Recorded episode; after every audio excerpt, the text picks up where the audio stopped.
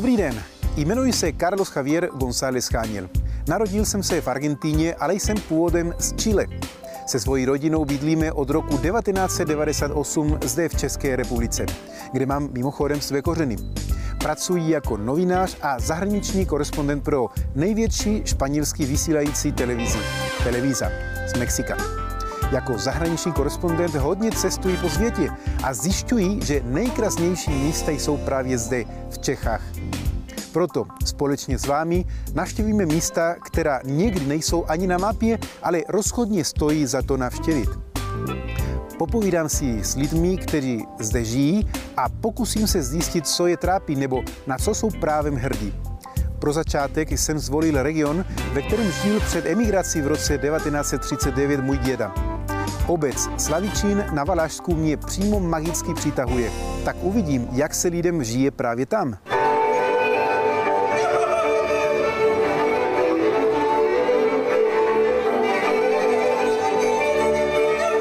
Tak milí diváci, do Slavičína jsme konečně přijeli a je tady se mnou Marek Tulpa, který, i když nevypadá, je můj bratranec. Jsme si trošku podobní, že? Určitě. No, tak děkuji za pozvání a co budeme dělat? Tož Karlosku, vítaj u nás ve Slavičíně, vítaj na Valašsku a přivítáme se jak ináč než po našem. Po Valašsku ogáří aj cerky, tož na zdraví.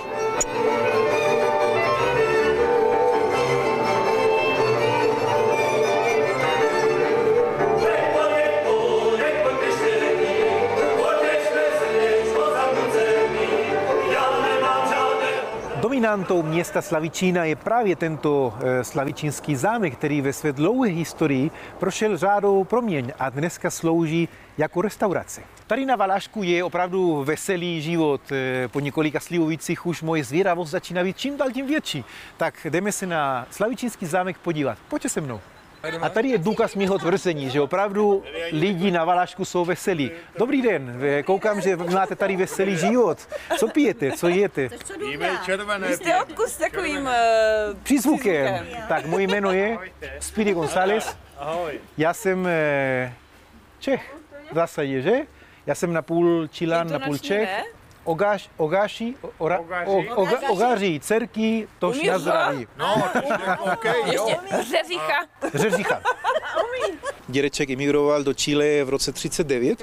On byl, on byl baťovec, pracoval Ve Zlíně ve Slíně. Ve Slíně a jeho dědeček a můj dědeček byli bratři. byli bratři. Znáte nějakou typickou uh, moravskou nebo valášskou písničku, Jasné. kterou bychom mohli jakoby společně zpívat? Třeba po kalíšku, po kalíšku. Po kalíšku dáme, pak si zaspíváme, po kalíšku, po kalíšku. Valašsko byla chudá krajina, když jsme u toho. A měli jenom jednu postel v baráčku a tam spávala mamička s tatíčkem a dva ogaři třulety a čtyřlety spali v nohách. A tatíček si říkal, je půl jedenácté, šel za mamičkou a jak tak na sobě hekali, řvali a kopali, tož probudili těch dvůch a ten starší se podívá a praví fanošku, tož jedného dělají a dvou by zabili. S těmito milými lidmi jsem absolvoval i rychlokurs valašského jazyka. Buď chytrý, jako. Čil mudry, Čil mudrý. čil můj druhý. No, Čil můj druhý, pozor. A koho to zajímá? tak. A koho to zajímá? Tento barokní zámek pochází z roku 1750. Posledním majitelem byla rodina Vichterlů, které byl zámek vracen zpět v rámci restituce. V roce 2007 zámek odkoupil soukromý podnikatel. No a jak jsem slíbil, eh, šli jsme dovnitř do toho zámku tady eh, slavičínského a v této místnosti se konají party, se konají občas eh, velký mejdany také a vedle této kamny opravdu je dobře si občas zahrát. Prostory zámku jsou využívány pouze ke komerčním účelům, jako jsou například právě tyto zvěřinové hody.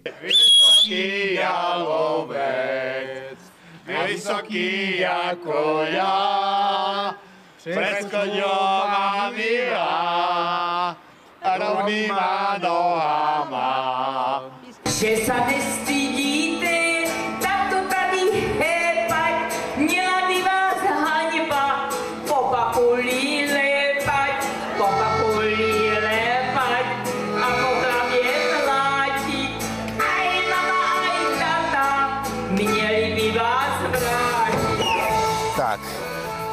chystáme se už eh, do města, protože nás čekají eh, významní osobnosti tohoto městečka. Eh, Starosta, jdeme taky do školy, kde jsem pozvan právě na přednášku a uvidíme, jak to bude.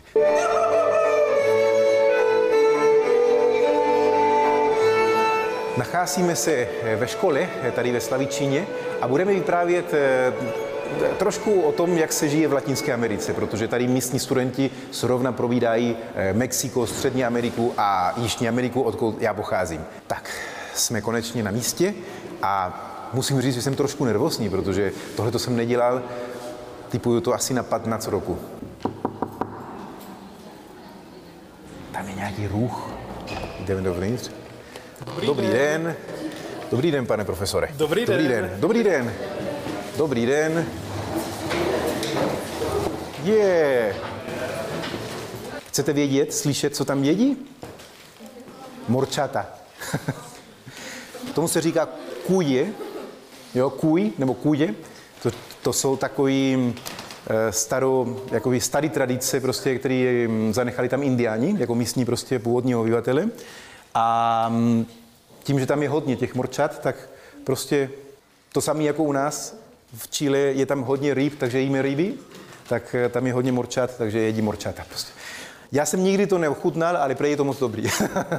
ale jenom prostě ta sama představa, že jako se budu koukat na mě takový, takovýma oči, oči, očičkama, tak to jenom z principu prostě já morčata asi jíst nebudu nikdy. Kdo mi řekne, kdo, kde, kde je Guatemala? Guatemala mimochodem to je velmi krá- krásný eh, stát, eh, leží v takzvaném trojúhelníku, severním trojúhelníku, kde je Honduras, Guatemala a Salvador.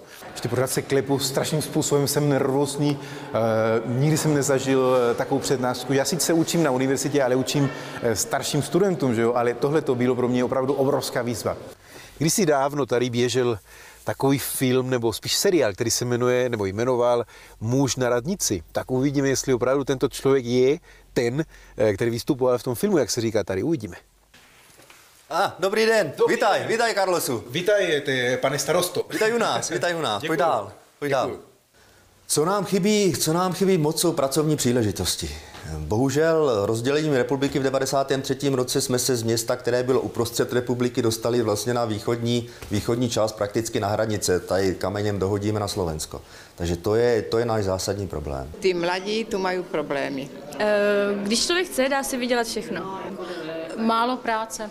Poslední roky tady nezaměstnanost, že, která před x rokama byla dobrá, a teď je to opravdu, že ty lidé žijou mm, pod, na hranici, že vydělávají peníze a takže přežijí a Tak problém sehnat práci, tady si lidi zhánějí práci hlavně přes přátele, přes rodinu a To řešení je pro nás eh, velmi složité a velmi problematické. U nás není problém eh, s prostory, eh, máme dvě průmyslové zóny, v Hrádku ta je obsazená, ale bývalé vláské steroidny, kde v dobách největší slávy bylo zaměstnáno 2,5 tisíce lidí, tam je prostoru, prostoru dost. Dneska je tam 40 firem, nicméně počet zaměstnanců je tam nějakých 500 odhadnů. Jo? Ty firmy jsou, jsou tam větší firmy, ale víc jsou, tam, víc jsou tam i ty maličké firmy. Takže není problém, kde by ty firmy mohly být, ale je problém, že ty firmy prostě k nám nepřijdou. Co neumíme zase nabídnout je dopravní dostupnost.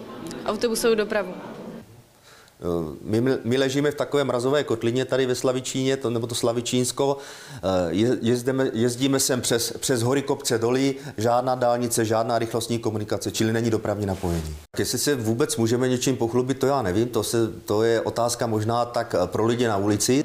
Na regionu se nám líbí asi příroda hlavně. Máme tady krásně, strašně krásně. A dál se nám tady líbí příjemní lidé. Všichni jsou to strašně hodní a příjemní. Líbí se mi nejvíc to, jak se tady lidi pomáhají zatím. okolí, hory, ano, máme tu, kde příroda také, ano, máme tady toho dost pěkného, jako ať se přijedou podívat do Vlaska. Tak to je ten Pivečkův lesopark jako, jako hlavní náš turistický cíl a lákadlo.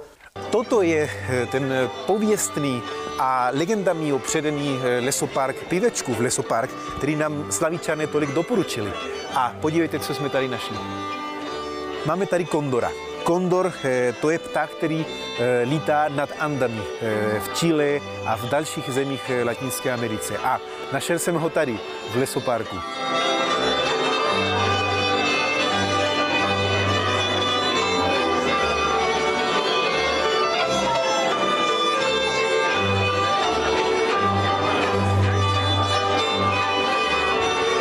Dámy a pánové, dovolte mi, abych vás co nejsrdečněji přivítal tady u nás v informačním, kulturním a turistickém centru B40, hlavním sídle televize Slepičín. Televize Slepičín, takový recesistický projekt založený na srandě, na podpoře folkloru a všem ostatním, všem dobrém valašském. A v tomto duchu se nese i naše centrum a udělám vám teď takovou krátkou prezentaci. Televize Slepičín eh, má na mediální mapě města významné místo, řekl bych, řekl bych, že, řekl bych, že možná nejvýznamnější. Eh, jsou to, jsou to recesisti, kteří eh, se dokáží na, i na vážné věci podívat nevážným způsobem.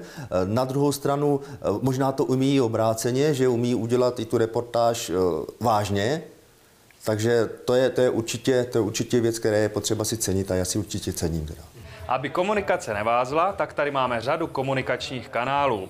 Jako první je telefonní síť. V každé místnosti najdete telefon, v některé i několik. Tady bych upozornil například na tento speciální protivýbušný, samozřejmě plně funkční, protože veškeré systémy na našem středisku jsou funkční.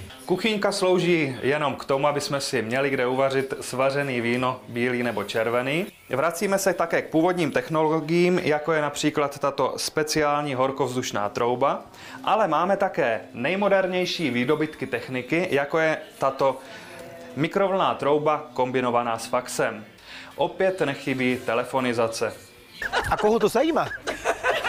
Sklad zůstává i nadále skladem. Tento pobyt se jmenuje pěny až po. My napustíme vanu plnou pěny, pustíme našim návštěvníkům relaxační hudbu a prostřednictvím telefonního automatu si objednávají limonády. Jako druhý bych viděl, eh, máme tady muzeum, tam uvidíte, vlastně byla tady v srpnu ve 40. roce letecká bitva nad Slavičínem a celé to muzeum, nebo většina toho muzea je věnováno právě této bitvě. Takže tady se nacházíme v místnosti, která je věnována právě památce těch eh, havarovaných nebo zestřelených amerických letců. V této první části jsou pozůstatky z německých letadel, protože i některé německé letadlo zhavarovalo nebo bylo zestřeleno.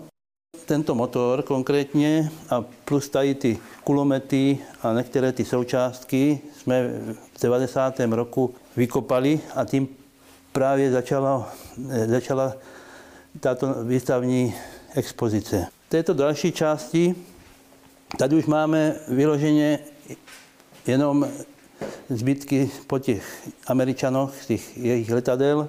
Zde jsou všechny ty posádky uvedené, tady je popsané, jestli se zachránil nebo zemřel. Tam v tom posledním, poslední vitrině je taková lidová tvořivost, které už naše ženy po válce z těch padáků, které našli, šili takové halenky, protože to byl dobrý materiál. A další částí tohoto Slavičínského muzea je přesně tato místnost, eh, kde můžeme najít archeologické nálezy ze sbírky Bohumila Diatela a mimochodem je tady spousta exponátů eh, od starověku, teda od pravěku až po starověk. My jsme, my jsme Valaši, my máme, my máme rádi slivovicu. Pivo, pivo taky, ale, ale když si můžeme vybrat, my si dáme radši tu štamprlu, než, než to pivo. Pan eh, starosta místní není e, muž na radnici z toho seriálu, je to rozhodně e, úplně jiný člověk. No a toto važení je vánoční stromeček po Valašsku.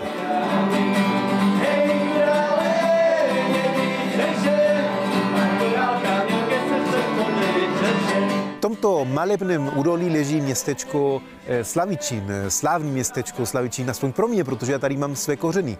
A pokud znáte podobný eh, krásný město nebo města, jako je Slavičín, napište na toto e-mail, my rádi vás navštívíme.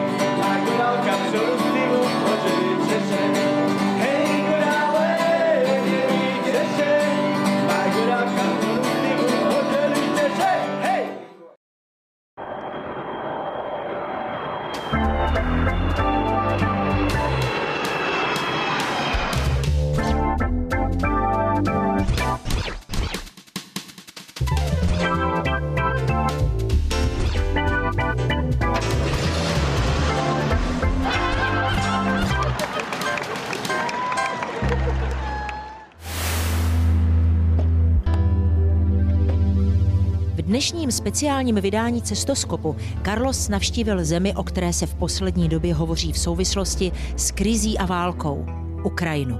Na začátku své cesty navštíví Carlos hlavní město Kyjev a legendární náměstí Majdan, kde se začaly psát novodobé dějiny Ukrajiny. Ukážeme vám ale i jiná zajímavá místa, především válkou zmítaný východ země, jako například Slaviansk, kde Carlos zastihne uprchlíky z Doněcku a také navštívíme samozvanou Doněckou lidovou republiku, kde, jak sami uvidíte, je křehké příměří stále porušováno.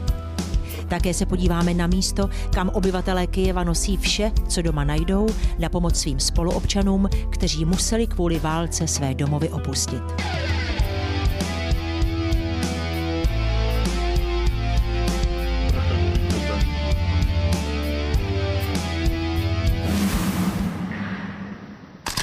Hlavním a zároveň největším městem Ukrajiny je Kyjev. Kyjevem, jehož rozloha zaujímá plochu 827 km čtverečních, protéká řeka Dněpr. Včetně aglomerace zde žije přes 3 miliony obyvatel. Kyjev je nejen hlavním městem, ale také kulturním a hospodářským centrem země.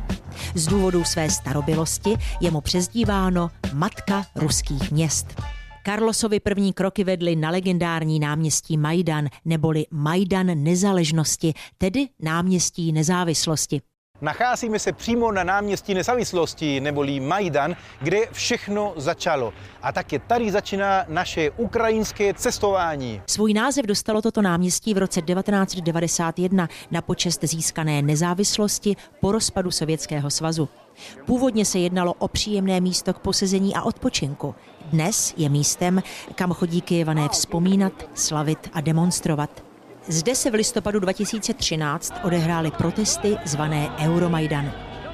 A takto vypadá náměstí Majdan dnes.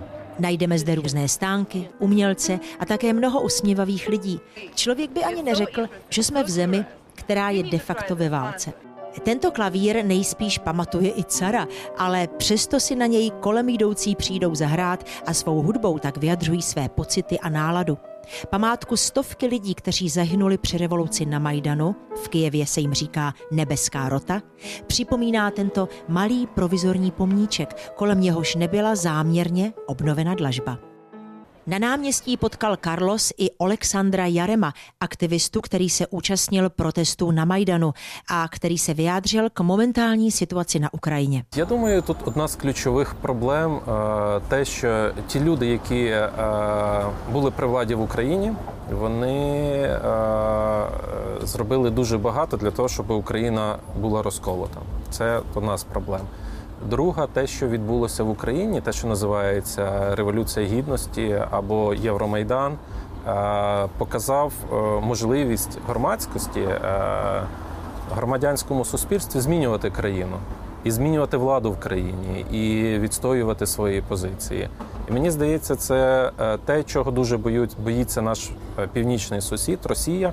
Вони бояться е, люди, які при владі в Росії, перш за все Путін, бояться того, що Росія теж може відчути це, і громадяни Росії можуть відчути, що коли є великий суспільний спротив, то влада може змінюватися. Влада повинна піти, тому що вона не може е, бути постійно в конфронтації з народом.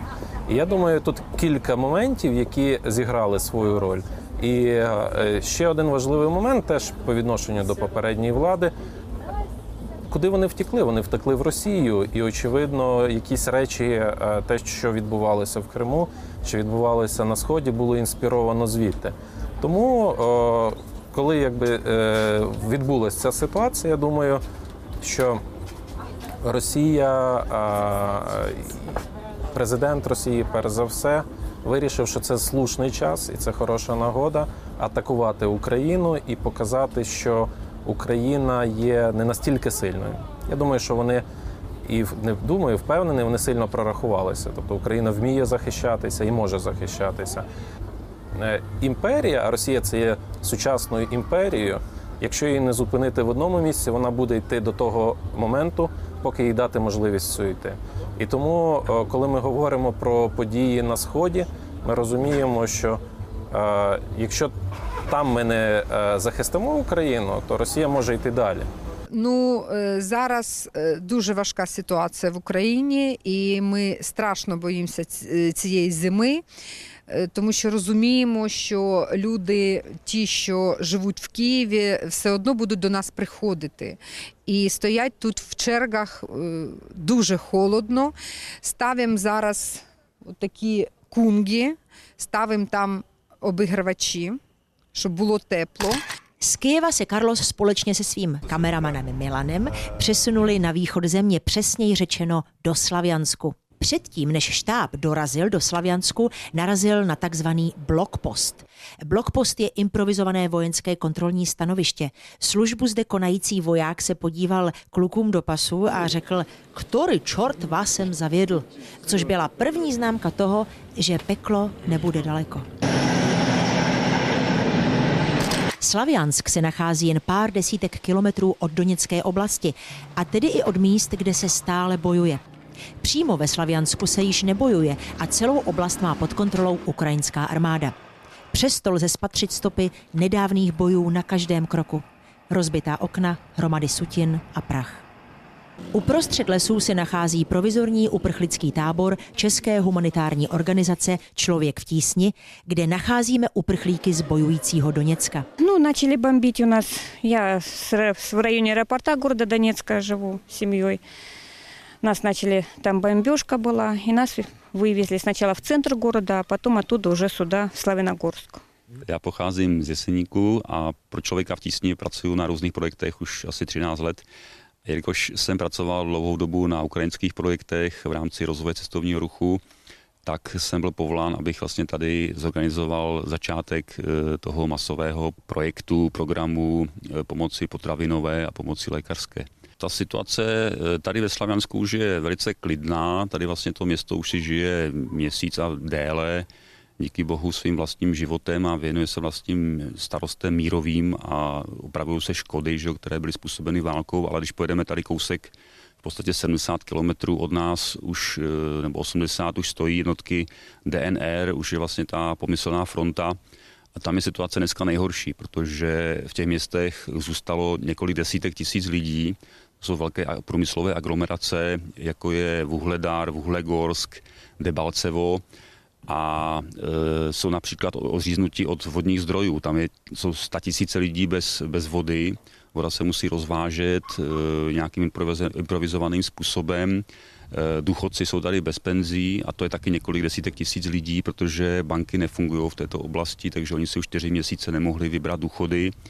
E, matky s dětma nemají sociální podporu a e, muži nemají práci, protože ty průmyslové podniky a doly vlastně v této oblasti bojů byly, byly zastaveny. Takže je tam opravdu těžká sociální situace a očekáváme, že s blížící se zimou ta situace se ještě zhorší, protože váznou dodávky uhlí, váznou platby a je spousta věcí, které ukrajinský stát v těchto oblastech vlastně bojů není schopen zajistit. По крайней мере, по обстановке, как у нас в городе, как э, более-менее наладится, потому что были такие, что в одном городе наладилось, люди оттуда выехали. То есть по мере э, обстановки там, где мы жили, откуда нас вывезли.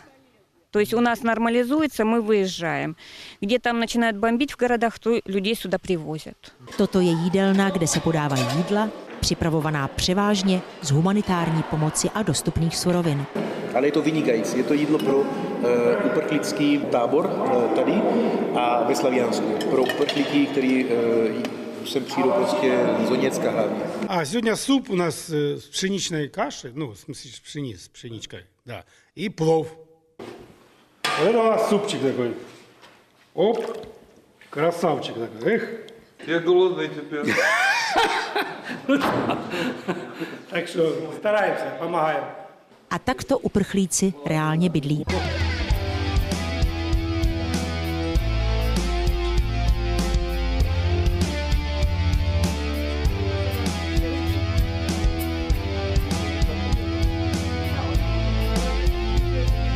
Sociální zařízení je lepší nekomentovat.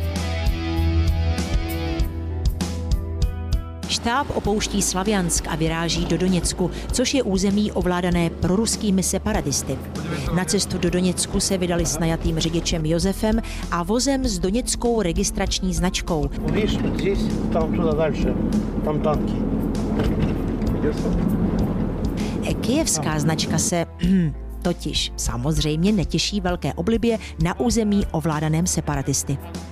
No, sami můžeme vidět, že ruský prezident se těší mezi ukrajinskými vojáky opravdu velké oblibě. Cesta ze Slavianska do Doněcku je dlouhá asi 50 kilometrů, ale s ohledem na fakt, že je silnice rozbitá a vede přes území, kde stále probíhají boje, trvá asi 6 hodin. Pro Josefa je přeprava novinářů do nebezpečných oblastí momentálním zdrojem obživy. Josef byl Karlosovi současně i průvodcem po celém Doněcku. Я думаю, э, грады стреляли. Hrady? Грады. Украина туда. Se snažím natočit, jak nám kolega ukazuje, zakopané tanky ukrajinské armády. Jsou špatně vidět, ale možná, že se něco podařilo. Já sám nevím, zdali se mi podařilo natočit, ale jsou tam a viděli jsme je. Po cestě jsou vidět zakopané tanky a bojová technika. Boji poničená infrastruktura a všudy přítomná armáda naznačují vážnost situace.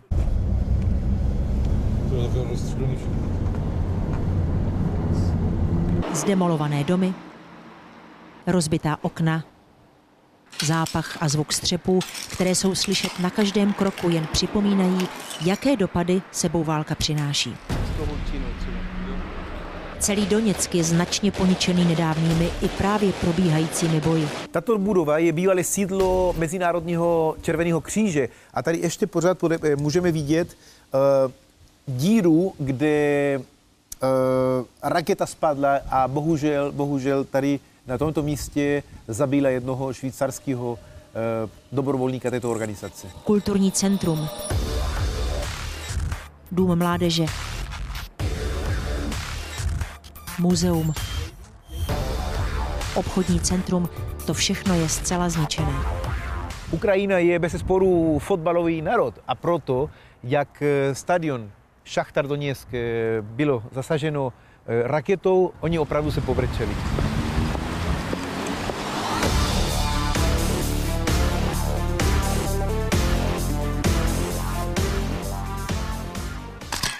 Že zde není vše v pořádku, naznačují i pytle s pískem, kterými jsou obloženy stojany čerpacích stanic. Jak sami vidíte, ani tankování není bezpečné tady eh, v Doněcku. Eh, Tyto, tyto pytle jsou eh, tady hlavně, aby chránili tuto pumpu mm, před zasáhem palby nebo pádu prostě nějaký bomby, protože opravdu každou chvíli se tady může osívat nějakou, nějakou ránu.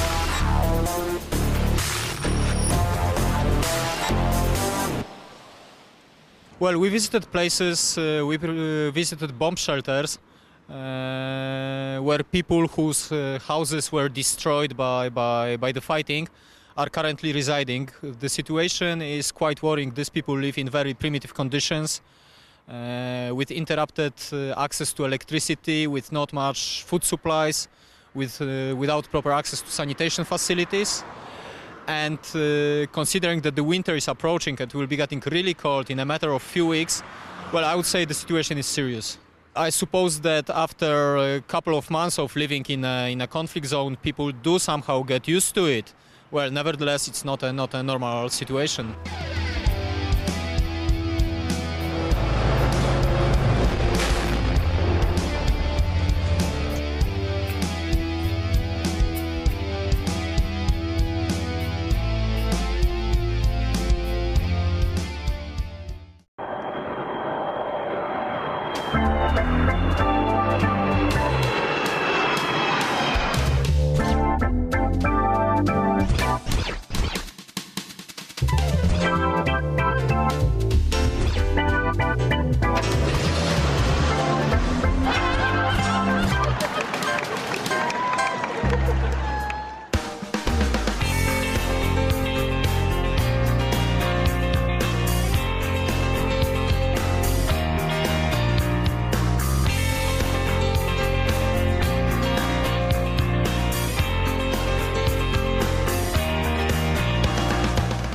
Karlosova výprava začíná přímo na náměstí jednoho z nejznámějších měst Ústeckého kraje. Přesně tak, Míšo. Tady na náměstí 1. maje začíná naše chomutovské dobrodružství.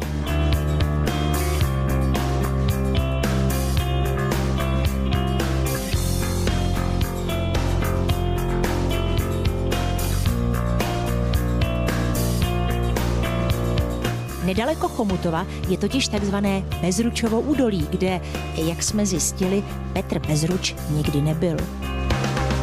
Bezručovo údolí je pohádkově krásná chráněná oblast, která ostře kontrastuje s názorem, že Chomutovsko je jen měsíční krajina zdevastovaná nadměrnou těžbou.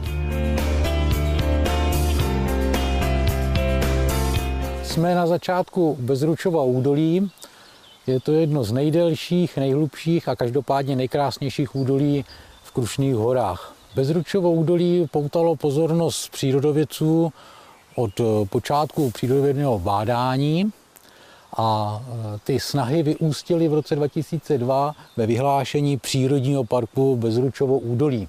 Tady můžete vidět na mapě. Ten přírodní park Bezručovo údolí zahrnuje nejen samotné Bezručovo údolí, ale i okolí, biotopy, které na to bezprostředně navazují. Takže ten lužní les eh, tím, jak se vlastně vyvíjí a jak je v tomto mrtvé a odumírající dřevo, tak eh, eh, to prostředí je velmi bohaté na různé druhy hmyzu, zejména brouků, kteří právě žijí v tom truchnivějícím dřevě. U třetího mlína se Bezručovo údolí rozděluje ve tři samostatné údolí.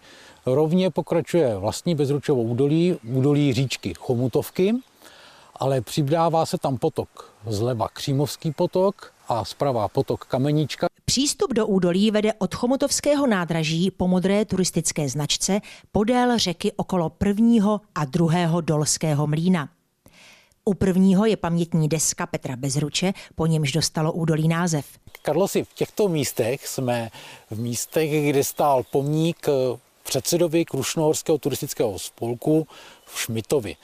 Ten zahynul tragicky v roce 1885 na Triglavu. Tato budova je bývalá ubytovna, kterou postavili Němci v roce 1912 a dneska slouží pouze jako, jako ruina.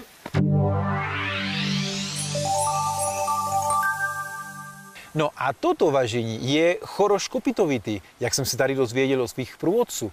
A proč? Protože připomíná kopito. A že nevíš, Karlosi, proč ta voda v tý, tom potoce je taková hnědá? No, protože teče z rašeliniště v Krušných horách, nahoře na Krušnohorském platu je velká rozloha rašelinišť, významných rašelinišť, jsou dokonce zapsané mezi celosvětově významné mokřady, Ramsarskou konvencí. A protože všechny potoky pramení skoro nahoře v těch rašelinách, tak když tečou dolů, tak mají všechny hnědou barvu.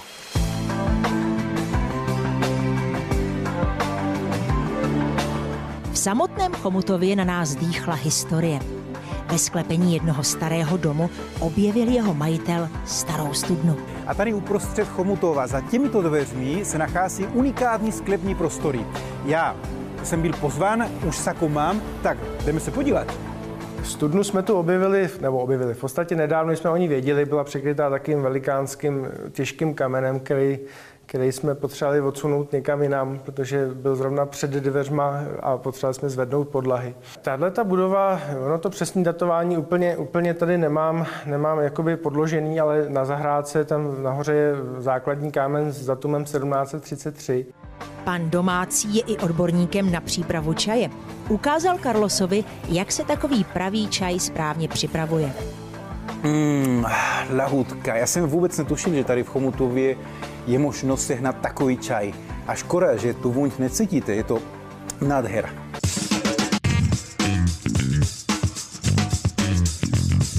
Kdo zná Karlose, ví, že si rád hraje s dětmi. Takovouto šanci dostal Carlos, když projížděl okolo nedalekého ranče. Děti pak Carlosovi ukázali, že se vůbec zvířat nebojí a některé se odváží posadit na koňský hřbet. Ale děti se nemůžou rozhodnout, kdo je další, takže já někoho vyberu. A koho máme tady? Princesnu. No, nechce mi dát ručičku.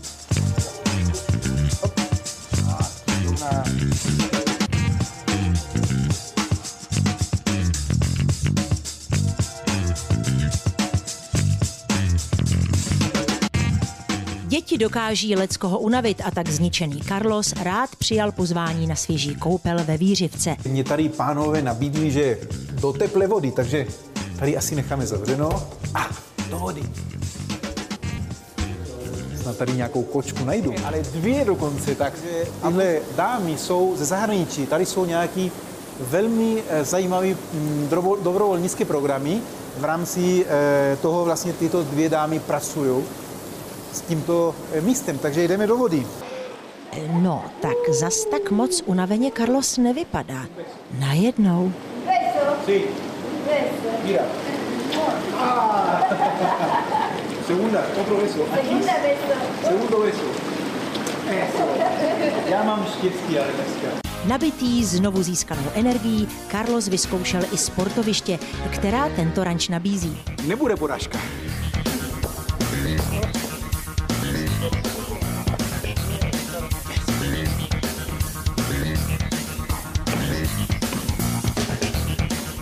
Projížďce na čtyřkolce opravdu nejde odolat. Této možnosti využívá celý náš štáb.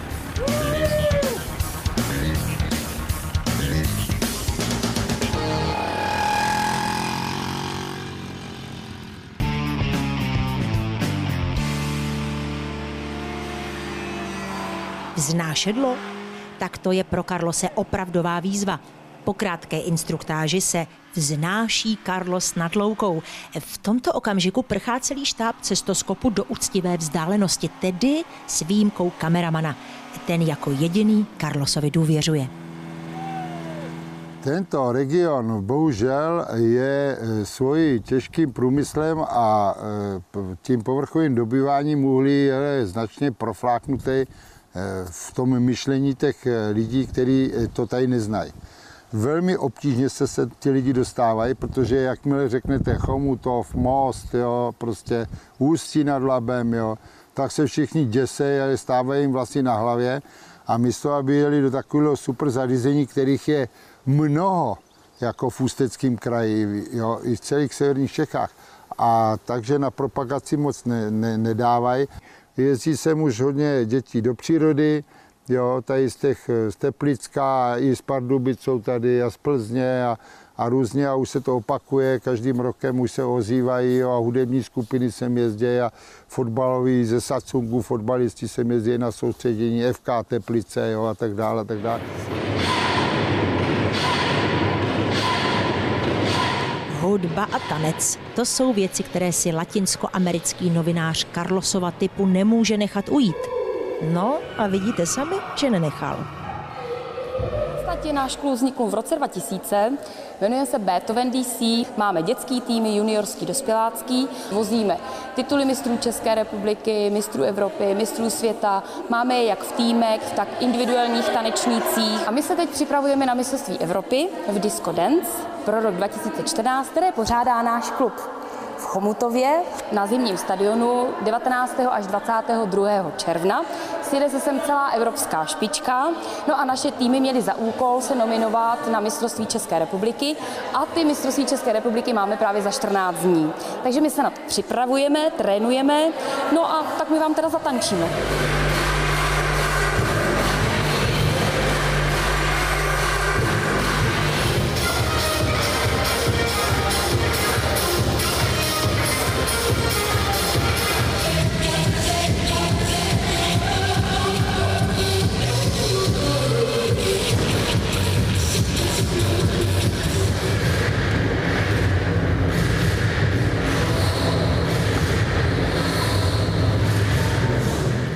Tak já opravdu mám dobrý pocit. Já myslím, že mi to velmi dobře šlo, ale stejně se zeptám odborníků na jejich názor. Jak to šlo?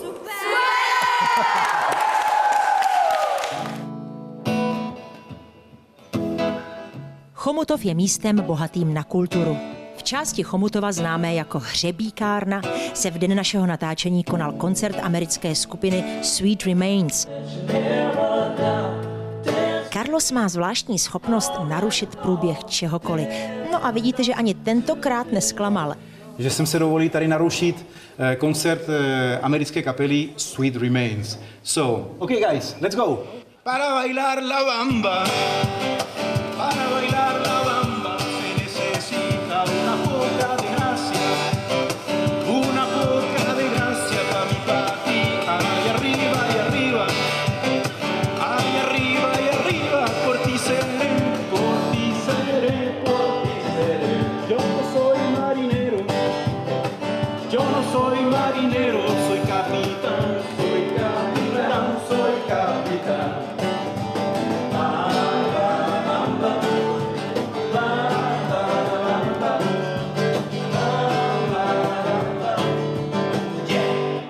Když Carlos opustil konečně pódium, skupina mohla dál pokračovat ve své produkci.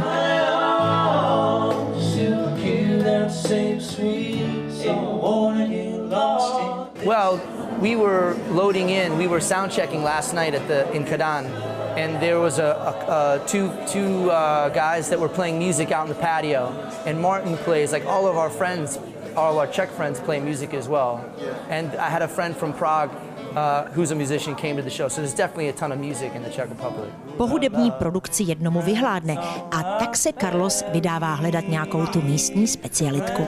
Přijeli jsme na samý kraj města Chomutov a tam na téhle straně je město Chomutov samozřejmě. Ale za tímto domem už jsou sami lesy. Prostě jenom lesy. A na tomto domě žije paní, která nám slíbila, že nám ukáže nějakou místní specialitu, co se tady váří na tomto kraji. Paní Jaroslava Škrábalová, autorka úspěšné knihy o vaření, zve na oběd nejenom Karlose, ale taky celý štáb cestoskopu. Alespoň se kameraman Milan trochu najedl. Tady mám eh, před sebou eh, kuchařku, kterou eh, napsala Jaruška se svojí kamarádkou Margitou. A Jaruško, je tady nějaká specialita, kterou bychom mohli dneska připravit, vidět nebo ukázat? Tak my si dneska uvaříme jídlo, který se tady vařívávalo kdysi před, já nevím, 70 lety.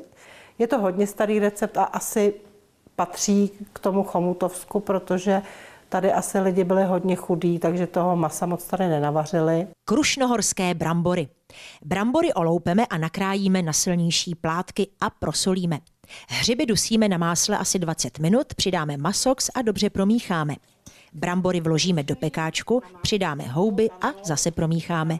Zalijeme smetanou, zakryjeme alobalem anebo poklicí a dáme zapéct do trouby na 190 stupňů.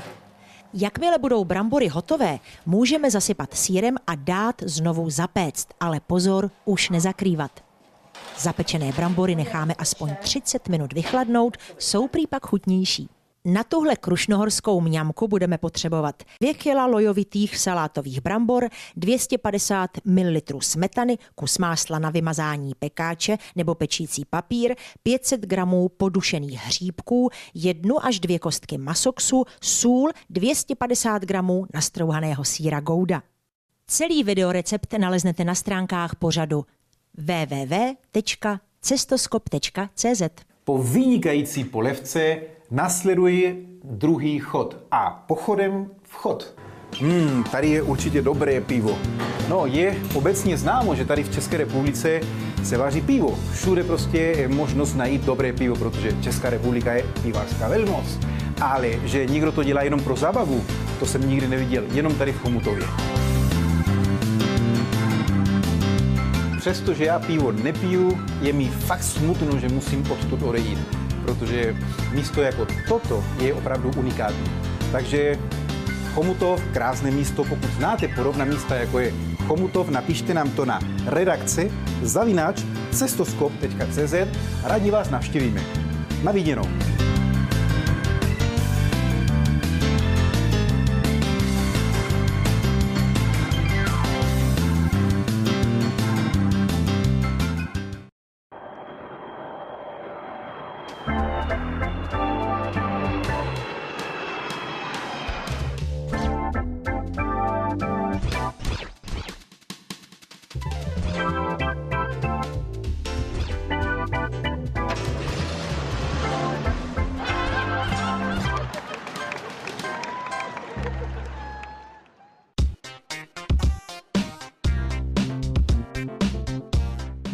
Srdce jsou Poděbrady.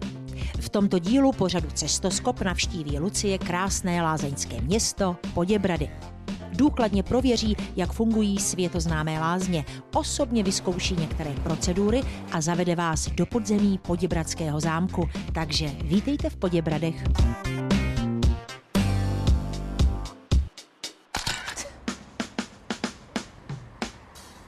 Poděbrady jsou lázeňské město ve středočeském kraji v okrese Nymburk. Město se nachází v úrodné polapské nížině na řece Laby, necelých 50 kilometrů východně od Prahy. V místě dnešního města bylo nalezeno osídlení už z doby mladého paleolitu. Král Přemysl Otakar II. zde v letech 1262 až 68 zbudoval kamenný hrad, postupně přebudovaný v dnešní zámek. K velkému rozkvětu panství došlo za pánů z Kunštátu. Nejznámější představitel tohoto rodu byl český král Jiří z Poděbrat. Poděbradský zámek s jezdeckou sochou krále Jiřího za mnou patří mezi nejvýznamnější dominanty města Poděbrady. Zdejší městská památková zóna, vyhlášená v roce 1992, chrání jak historické jádro města, tak i přilehlou lázeňskou čtvrť. Poděbrady jsou známy návštěvníkům především jako klidné lázeňské město s mnoha památkami. Pojďme se ale teď podívat do samotných lázní, konkrétně do lázeňského domu Libenský. Tak to bydlí hosté a pacienti lázeňského domu Libenský. O dalších možnostech rehabilitace nám více prozradí generální ředitel lázní Poděbrady, pan doktor Josef Rambousek. Nyní se právě nacházíme eh, v kavárně hotelu Libenský, který nese název podle profesora Libeňského, což byl významný český kardiolog, který byl zároveň i tehdy zvolen jako prvním předsedou kardiologické společnosti a který zde v tomto domě vlastně otevřel v roce 1924 první léčebný a vyšetřovací ústav, který se zaměřoval právě na léčbu chorob srdce a cév. A z té doby právě pochází ono známé rčení nebo takové heslo na srdce jsou poděbrady. A my dnes tedy dodáváme, že nejen na srdce jsou poděbrady, ale i na pohybový aparát. Poděbrady jsou nejen na srdce, ale i na oběhové potíže. V lázních poděbrady se zaměřujeme zejména na onemocnění srdce a cév, čili kardiovaskulární onemocnění a zejména teda na rehabilitaci kardiovaskulárních onemocnění. E, máme programy pro podstatě veškeré formy eh, onemocnění srdce a cév, eh, z nich eh, určitě nejvýznamnější je program časné pooperační rehabilitace. Ten program spočívá v tom, že vlastně ta rehabilitace přímo navazuje na operační výkon, čili pacienti jsou k nám překládáni přímo z kardiochirurgických klinik. Kromě klasických a aromamasáží provádíme tady i zábaly, částečné i celotělové. Zábaly můžeme nabídnout s různými aroma, hůněmi, to znamená konopné, brusinkové, kokosové. Dále tady provádíme i masáže lávovými kameny, jogurtové zábaly. Eh, dále v úseku vodoléčby nabízíme koupele v hydromasážních vanách. Tato perličková koupel je vhodná na psychiku, ale i na fyzické uvolnění těla, na uvolnění svalů a napětí svalů. Menší trysky, které jsou nad vany, jemně masírují tělo a způsobují, že lidé mají lepší prokrvení. Je to přírodní naše minerálka, která je studená, 9 až 13 stupňů a ohříváme ji parou. Vanny jsou dvouplášťové na 33 až 34 stupňů, aby to mělo ten eh, léčivý efekt. Čím chladnější, tím lepší. Podvodní masáž, kterou můžete vidět zde, není určená jen pro podvodníky, ale i pro vodníky. Druhou velkou oblastí, které se věnujeme, eh, kde máme tady mnoho pacientů, také jsou pacienti eh, s onemocněním pohybového ústrojí a tam, to je, tam zejména to je program časných rehabilitací, tentokrát ovšem po ortopedických operacích. V menší míře potom eh, máme i pacienty s diabetem, čili cukrovkou, máme takové edukačně rehabilitační programy. Musím říct, že masáže jsou tady opravdu strašně příjemné a určitě neváhejte a přijďte si je taky vyzkoušet.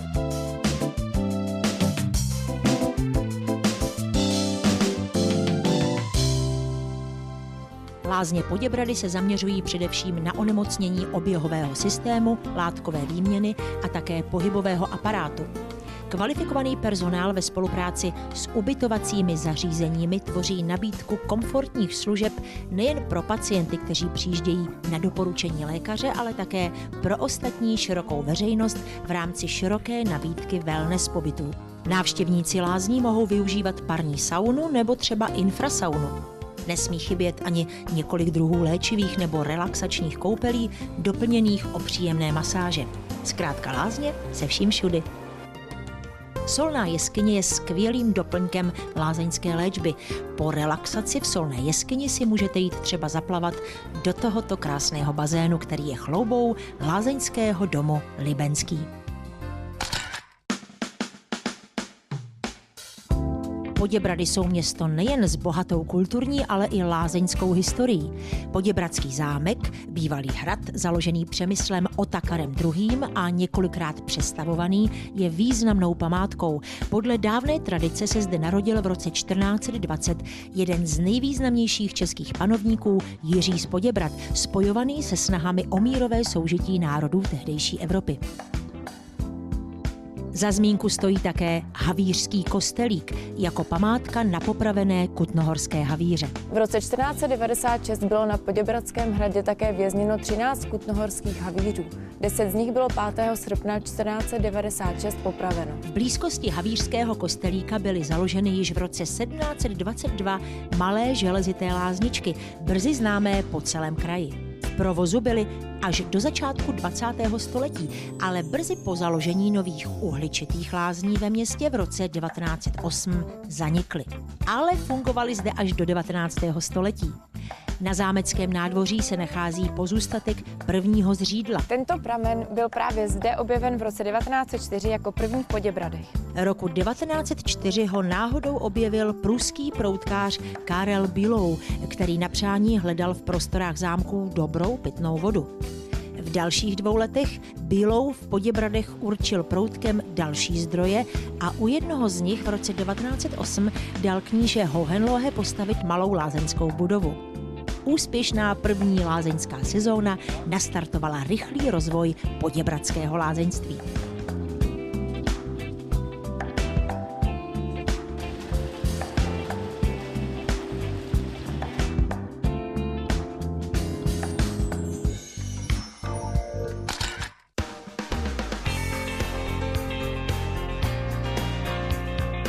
Hotel Zámeček se nachází v místě bývalého panského dvora.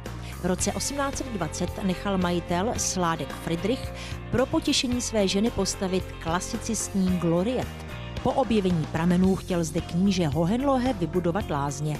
Po smrti knížete koupil celý zámek s celým hospodářským dvorem podnikatel Josef Hiros a postavil ve stejném stylu vilu nazvanou Zámeček. V roce 1931 získala celý objekt lázeňská společnost, která zde vybudovala nový vyšetřovací a léčebný ústav.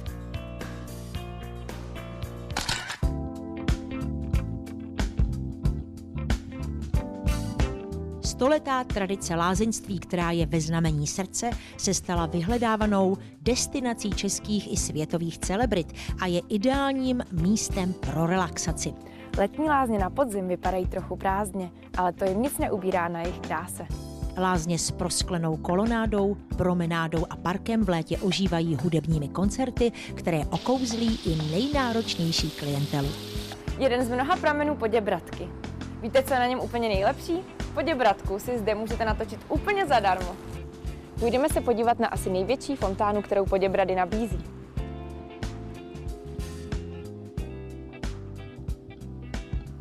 Toto je pramen Boček, je, který je dneska ale bohužel zavřený.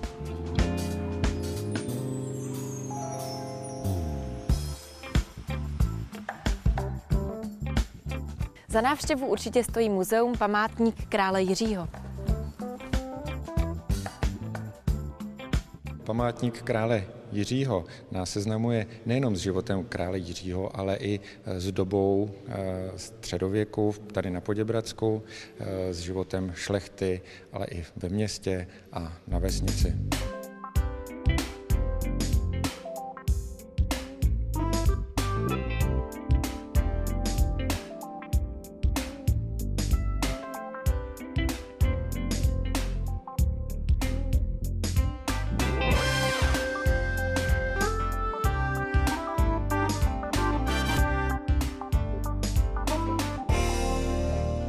Právě se nacházíme uprostřed eh, galerie Bohuslava Šnircha, což byl autor eh, generace autorů Národního divadla.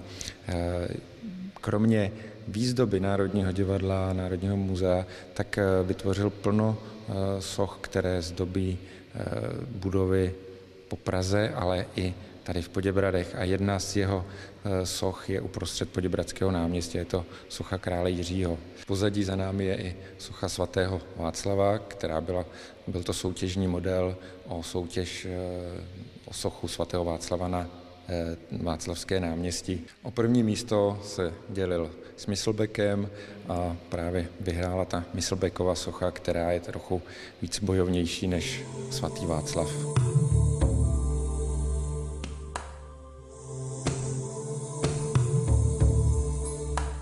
Tady okolo nás to jsou všechno, všechno modely, z eh, který, podle kterých se pak eh, dělaly eh, sochy. Něco byly práce do soutěží, něco už vyloženě hm, věci, které se staly vzorem pro konečnou podobu toho díla. A ještě jedna zajímavost k této místnosti, tak podle pověsti se v této místnosti narodil král Jiří.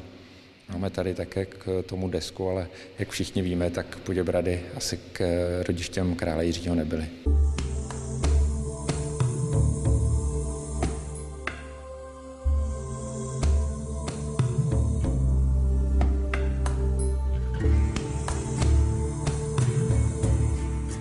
Nacházíme se v nejstarších prostorách Poděbradského zámku, nebo spíše hradu eh, v gotickém sklepení. Eh, v součástí, nebo součástí té naší expozice zde jsou eh, monoxily z 10. století, které byly objeveny při rozšiřování nebo úpravách toku Labe a při těžbě písku v nedalekém, nedaleké pískovně. Takovou zajímavostí, kterou zde můžou návštěvníci vidět, jsou koule z praku nebo z katapultů, které se našly v okolí hradu, když byl dobýván husity. Máme zde taky sochu svatého Floriana. Je to socha ze 17. století, která stávala na tzv. hradecké bráně.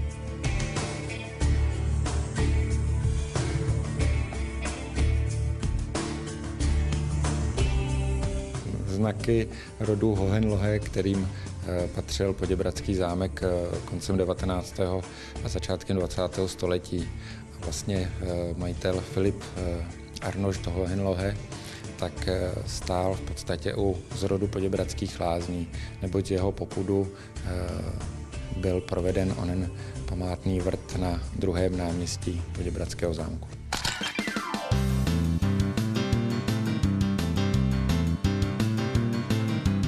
Květinové hodiny v Poděbradech patří ke koloritu města. Nedílnou součástí hodin byl od samého začátku trpaslík.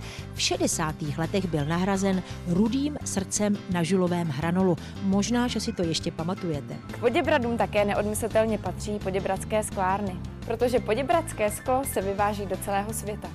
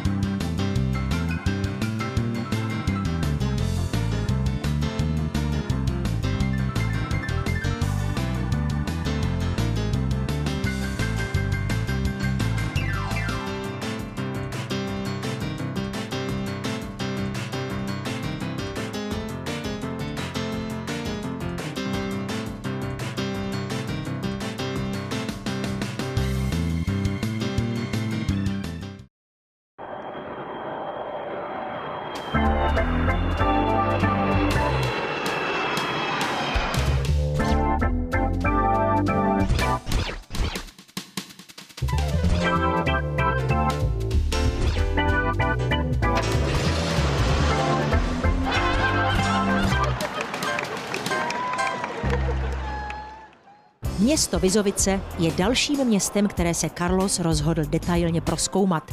Nejen, že jeho kořeny sahají právě na Valašsko, ale Vizovice mají svým návštěvníkům i obyvatelům hodně co nabídnout. Je to tak, Carlosi? Sám bych to neřekl lépe, Míšo, takže podíváme se víc než blízka. Město Vizovice leží 15 kilometrů na východ od Zlína v široké kotlině pod Janovou horou, obklopené kopci Vizovických vrchů. Město Vizovice má necelých pět tisíc obyvatel a náleží do oblasti přírodního parku Vizovických vrchů, který byl vyhlášen v roce 1993.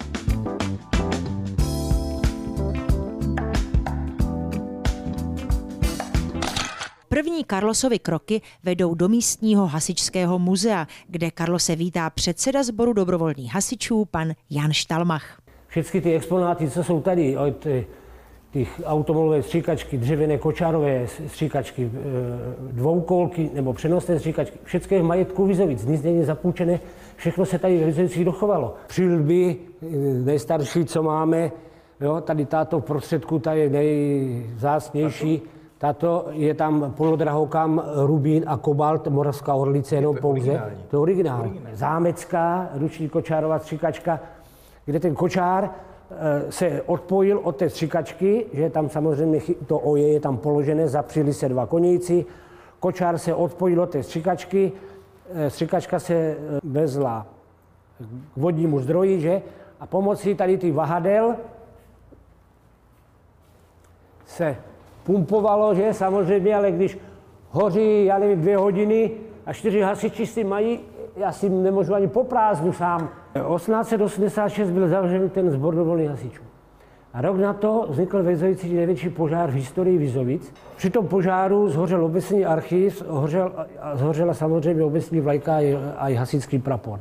Prapor Združení hasičů Čech, Moravy a Slezska, tomu je eh, stuha třetího stupně, ještě druhého a prvního stupně, takže ještě dvě ty stuhy nám chybí a už máme nejvyšší hasičské vyznamenání. Dámy a pánové, už jsem hasič, stal jsem se hasičem. Mouka a trocha vody, hra nůžek a rukou a oči mají hody. To je vizovické pečivo, které je známé po celé Evropě. Valašské figurální pečivo má tradici starou nejméně 200 let. Bylo vyráběno v rodinách i u pekařů z těsta, k Mikuláši jako vzácná pochoutka a dárek dětem. Protože však děti všechno snědly, začalo se péct trvanlivé pečivo, které sloužilo nejen jako dekorace, ale třeba jako hračka. Paní Ludmila Kalivodová zasvětila Karlose do tajů jejího umění, myslíme samozřejmě pekařského umění. Carlos pochopitelně neodmítá příležitost vyzkoušet lidovou tvořivost. Ty oči, co máte vy, to je e, taková čočka. Čočka. Mhm. A tady toto, to je zase koukol. Já jsem se to naučila e, od manželové maminky, no a Tady ve Vizovicích se to dělá už tak 150 let. Já už mám 82 roku, takže eh, už to nemám pro koho. Tak když někdo přijde, tak to ráda udělám, samozřejmě, ale nemyslete si, že to je nějaký lukrativní zaměstnání. Na tom se nemůže člověk zbohatnout, že? Víte, co je to vizoviánek? Soubor valašských písní a tanců. Soubor zpracovává a rozvíjí národopisný materiál, tance, písně a zvyky z Vizovic a širokého okolí. Cílem je rozvíjet nejen estetické cítění, ale i vyplňovat volný čas dětí. Soubor má čtyři dětské skupiny a jednu mládežnickou. Zúčastňuje se každoročních opakujících se akcí o Vánocích, Velikonocích, výchovných koncertů, akcí pro městských úřad Vizovice, knihovnu a důchodce, Valašského bálu, souboru Portáž, Valašského odpoledne na zámku ve Vizovicích a akcí sponzorů.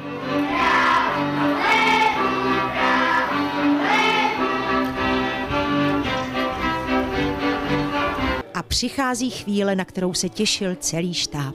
Návštěva světoznámého výrobce alkoholu. Hned po příjezdu se nás ujímá krásná paní Kudelová, která Karlose provádí celou výrobou. A nejvíce se tady popíjí takzvaný rituál hrušky s hruškou. No a správný rituál hrušky s hruškou je takový, že do skleničky se dá kousek kompotované hrušky, nabodne se na párátko, naleje se hruškovice, přiťukává se tím párátkem s hruškou, tedy na Valašsku se říká přišvrdlává se tím párátkem s tou hruškou.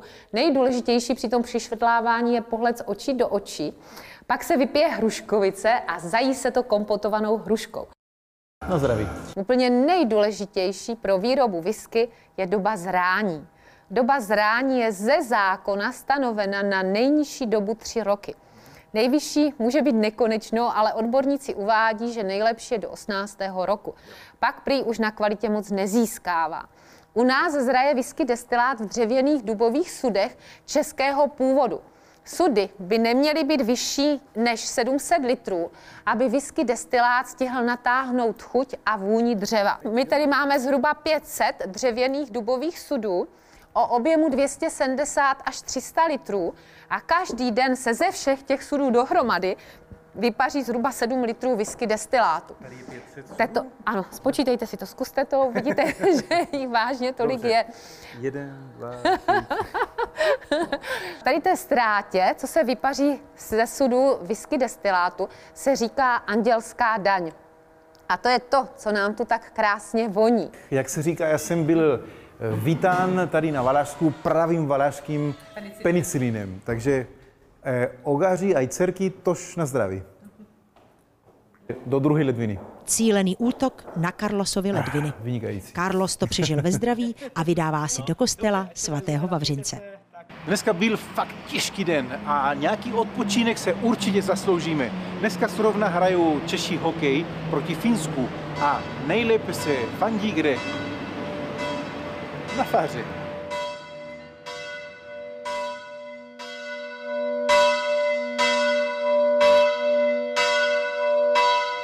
To je zajímavý. Já upřímně nevím proč, ale všichni chtějí, abych já tuhleto historku znovu vyprávěl.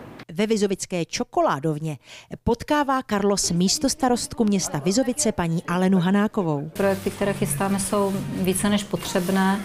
Je pravda, že ty, po kterých lidi touží nejvíce, že například koupaliště, tak to je otázka dlouhého času, jestli vůbec se to kdy uskuteční, protože je to Otázka samozřejmě peněz, jako všechno ostatní. No.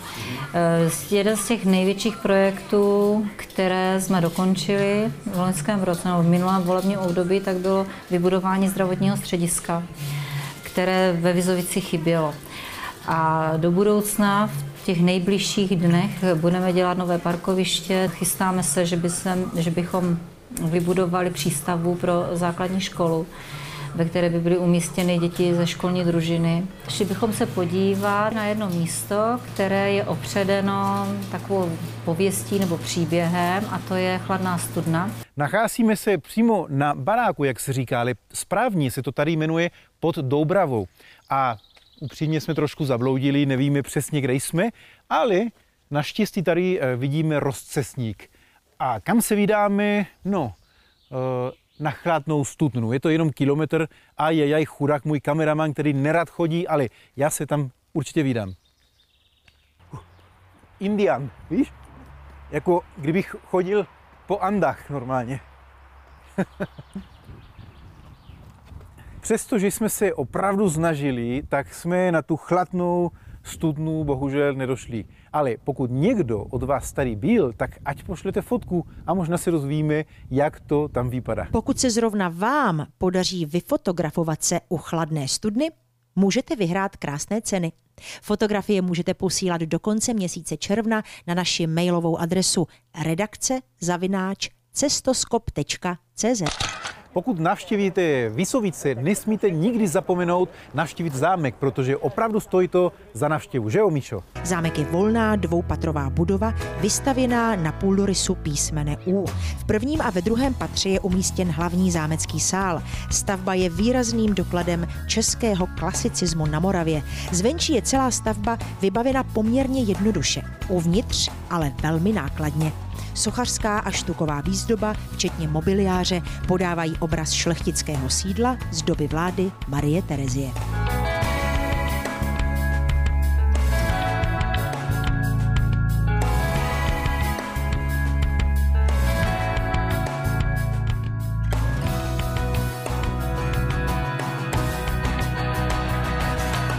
Ve 44. roce a když odjeli, tak uh, už potom se sem vlastně nevrátili. Už nevrátili, no, jasně. protože Němci si zabrali objekt pro svoje potřeby, No. že to byla německá rodina Mhm. a tím pádem správce zámku pan Kovařík jim poslal zprávu, že se nemají vracet, že vlastně nemají kam. Máme dokonce školní sešity jejich, co se kluci tady učili, jejich maminka, paní hraběnka se učila česky, tak taky psala diktáty a taky tam má červeně potrhané všechny hrudky. Vyprávěli se tady taková pověst o těchto dvou gladiátorech. že, jednoho, že oni se postupně každý rok o něco přiblíží k sobě, o nějakou část. A říká no. se, že jednoho dne, až se ti to gladiátoři setkají, až se přiblíží natolik, že budou moci použít své zbraně, tak nastane konec světa. Ale já teda si myslím, že ještě máme čas. Návštěva u mistra skláře pana Jindřicha Obšívače patřila k nezapomenutelným zážitkům. Se to musí od té pišťale oddělit. Takže si opět pomůžu tím kyslíkem. Tuto nevšední zkušenost si nenechal ujít ani technický ředitel regionální televize Ladislav Kocůrek. Všichni pánové, včetně kameramana Milana, si vyzkoušeli, jak snadné je vyfoukat kouly. Už opravdu nemůžu. Ale asi, asi jsme se dostali do nějakého tvaru. Stop, stop. Tak je vidět, že prostě ta škola je potřeba, že jo. Roky se tady pan naučil, já za pět minut si nemůžu naučit prostě, jak dělat tu, tu, tu stejnou jakoby dokonalou věc. Takže to je, podívejte, můj výsledek. No nějakou práci to dá, že pánové? Míň, míň, míň, míň. Nefoukat, nefoukat. Přifouknout trošku. Malinko, malinko. Fouknout trošku. Zpomalte, nefoukat, pofouknout a točte si s tím sám. Točit. Ať je to v ose, tak, točit. Můžete ještě... A už to nejde, už ten vzduch se vrací zpátky, že? Mm-hmm. Tak, konec. A je vám to rovno prací, jo? No a to by nebyli chlapy, kdyby si neporovnávali, kdo vyfoukl kouli větší. Ve Vizovicích se nachází jeden z významných objektů postavených ve stylu regionálního retrospektivního historismu na území Zlínského kraje a tím je Vizovická Sokolovna. Postavili jej brněnští architekti Flor, Václavka a Gottlich. Objekt byl prohlášen za kulturní památku to však jeho záchranu nezajistí. Vlastník hledá finanční prostředky na záchranu toho objektu, protože si je vědom, že spravuje a vlastní objekt mimořádného významu, který přesahuje nejen hranice Zlínského kraje, ale celé České republiky. Parlament, to je, oni tomu hovorí, takže to je zasedání vizovských patriotů, který mlátí prázdnou slámu. To, co na úřade ne, nevyřešá, my tam za chvilku akurát nás nikdo nebere vážně. My víme poradit, my víme okamžitě vybavit, my víme, není jsme tak chudobní, aby jsme slíbit nemohli, slíbíme všecko. No a nikdo nás nebere vážně, každý si stranu. A to je dobré, bavíme se. Kolik se toho vypije, co jim to dělá, jak je jim blbě na druhý den, to já už nepotřebuju. A my staří si vykládáme, jak to máme s prostatama, jak to má prostě s, s vylučováním. A co na to berem? Načistěný fajky. Od toho odvodili potom oni na kravaty ty jehly, Aha. alebo tu, eh, jak byly saka. No, tak, ano? takové ty ozdoby. Můžu se podívat? Jasné. Jasné. Takže já taky nosím klobouk a už také chodím. Jasné. Milí diváci, moje cesta cestoskopem začala přímo tady na Valářsku a tady také končí protože moje cesty mě nyní vedou někam trošku dál, trošku daleko od České republiky. Nicméně cestoskop nekončí. Moje kolegyně Klara Bursiková bude cestovat po České republice s vámi.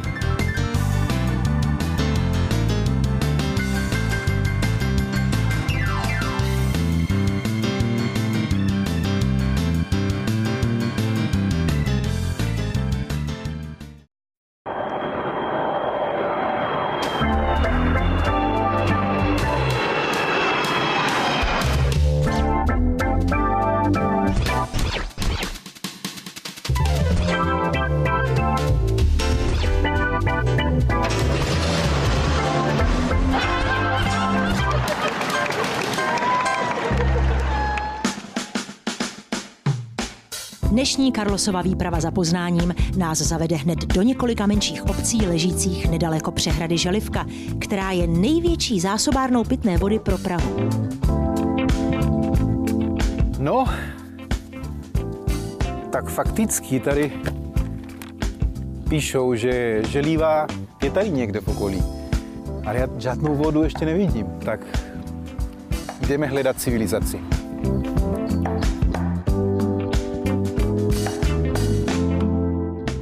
Jak sami vidíte, jsem tady uprostřed ničeho. Podle navigace je to tady surovna. Nevím, co teď?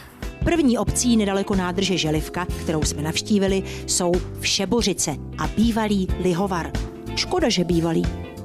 Milí diváci, a do Vševořic jsme přijeli a v tomto domě, eh, který mimochodem sloužil do poloviny 50. let jako eh, lihovar, eh, je pan Mišička, který nejenom dělá do kovu, ale také do medu a včel. Dobrý den. Dobrý den. Sladký člověk. A to i proto, že nám ochotně ukázal své království a po dobu natáčení se stal naším průvodcem.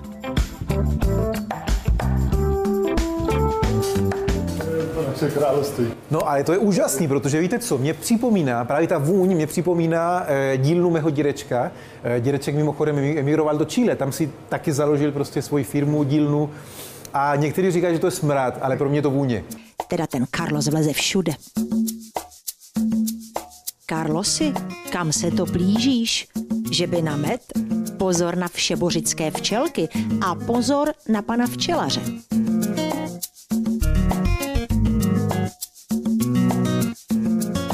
Třeba na tom jednom plástu je kolem tisíce, dvou tisíc včel, jako jo, na tom jednom, že jo, no a tady jich je teď 12 a 12, takže 24, jo, takže. Ta je hodná?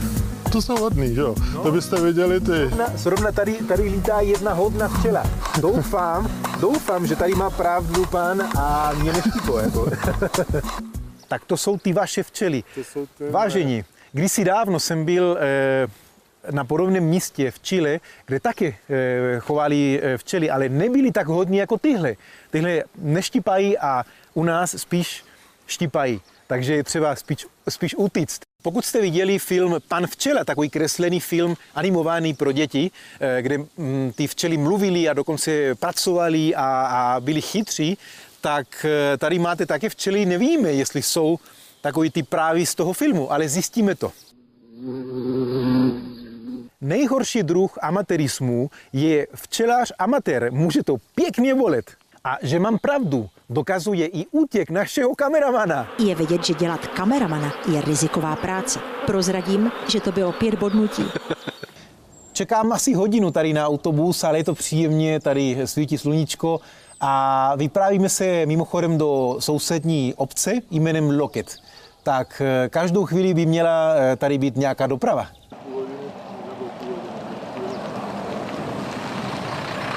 Tato moderní budova je sídlo obecního úřadu Loket a přímo v tomto domě se administruje celkově 8 katastrálních úřadů tady v tomto regionu. Cestoskop se natáčel 1. dubna a proto si Carlos neodpustil vyvést starostu obce Loket, pana Vladimíra Vacka, aprílem. Tvrdil mu totiž, že neumí česky a že se rozhovor povede ve španělštině. Carlos, eh, Carlos Javier González Jañel Conde de Revillagigedo, mucho gusto. Eh, podemos conversar, ¿no? Eh, que sea otra pregunta, ¿podemos entonces?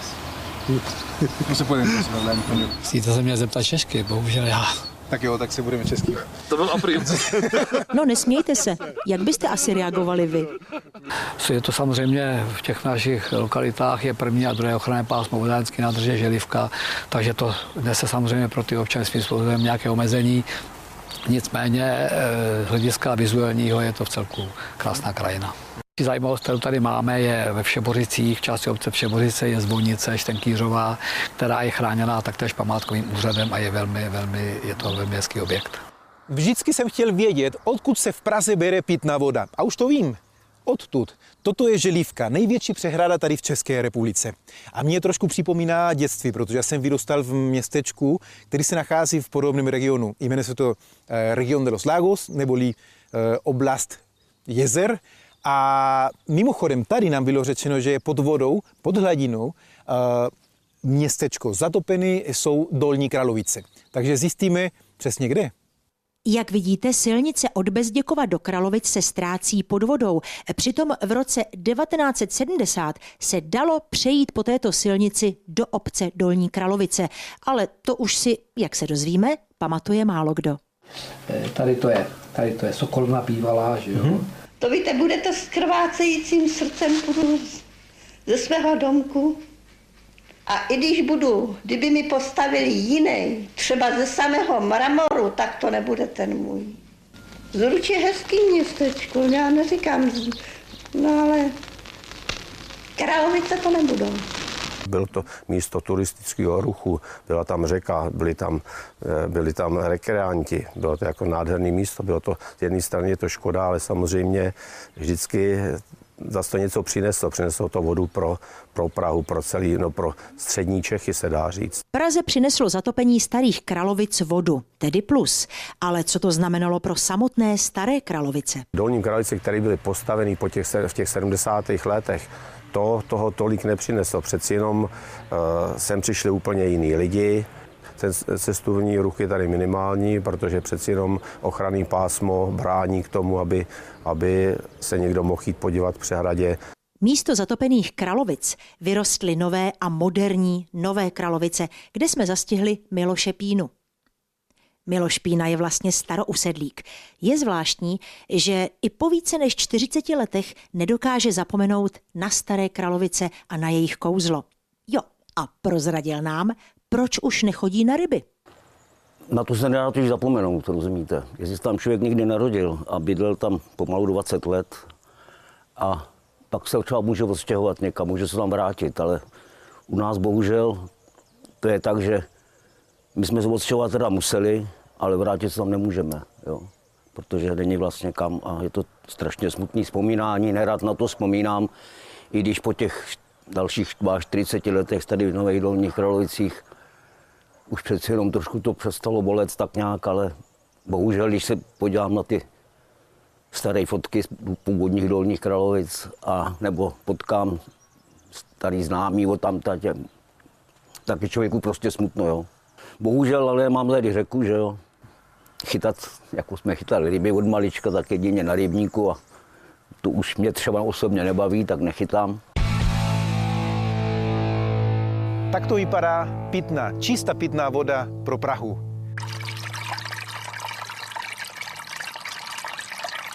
Hráz Želivky je dlouhá 850 metrů, vysoká je více než 58 metrů a jezero má plochu 1430 hektarů.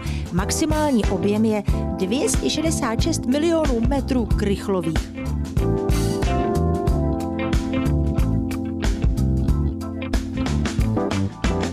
Další zastávkou je kostel v Ježově.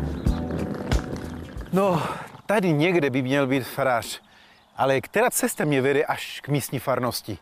Tak zkusíme tuhle.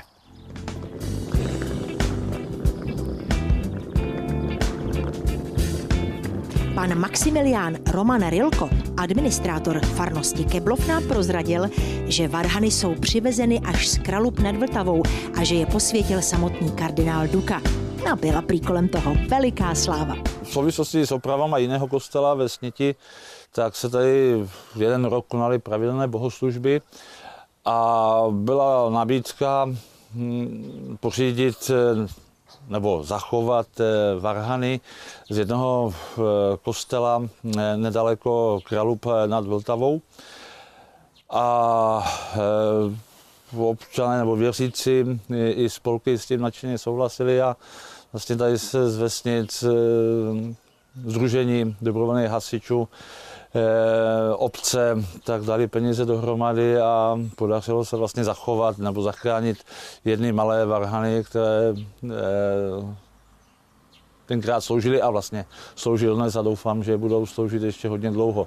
Keblov, pod který teďka momentálně Eh, ten ježovský kostel spadá, eh, tak je přijel eh, požehnat, což zase asi byla jedinečná událost, že tady v tomto kostele asi poprvé jej navštívil kardinál při této příležitosti. Byl tam pan Duka? Ano. Dám to otvírat. Jak byl zažitek, povídejte. Jako jak by tady bylo to krásný, strašných lidí, bylo to pěkný, byl jako hezky mluvil. Mm-hmm. Pan farář ale nemá typicky farářský oděv. Co to vidím na jeho prsou? Motorka? Že by byl sám motorkář?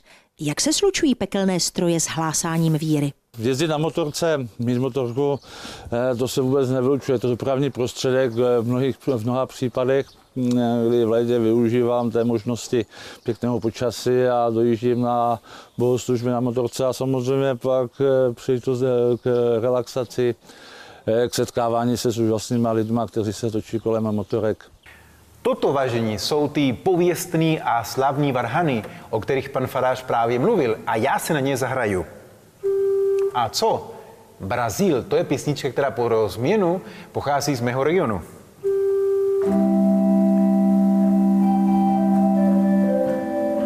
Výborně, Karlosi, ty umíš na varhany? Ale takhle duchovní hudba nezní, i když nezní to špatně.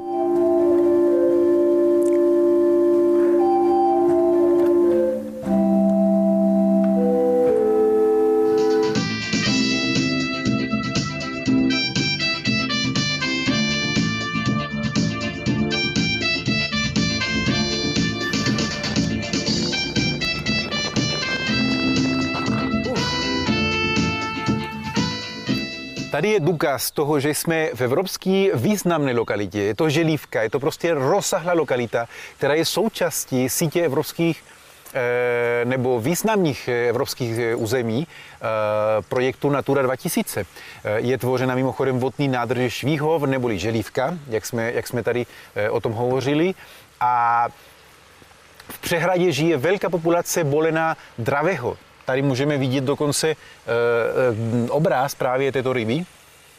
Aspius aspius, jak se latinsky říká. V Píšti byl náš kameraman okouzlen kozí rodinkou, jen aby zdůraznil fakt, že je jaro v plném rozpuku, že by další podnikání s kozí farmou.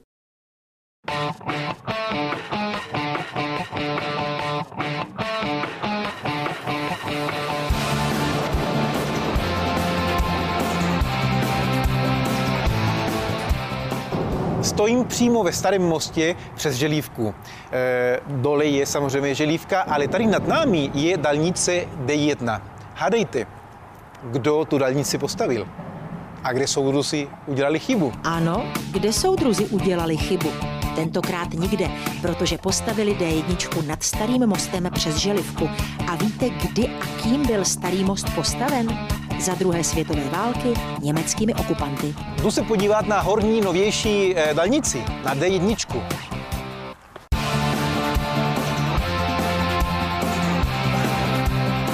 Uf. Dálnice D1 směrem do Prahy.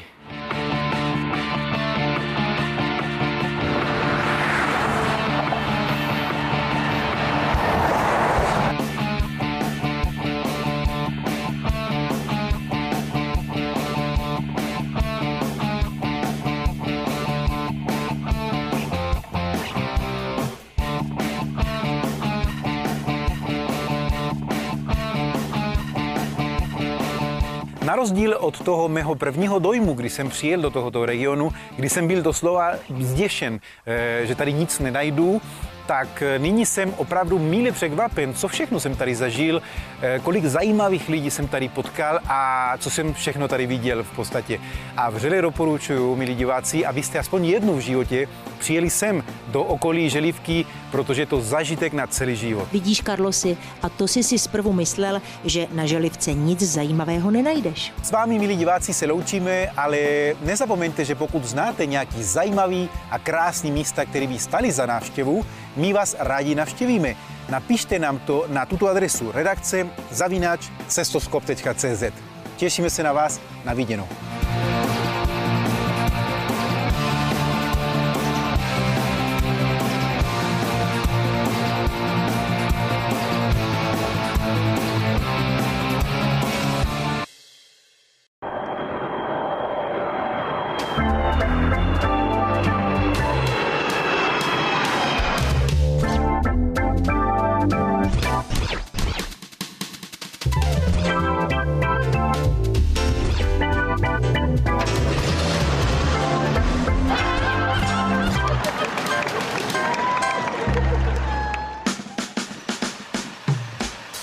Tohoto dílu pořádu jsme vybrali malou vesničku nepříliš vzdálenou od Ústí nad Labem.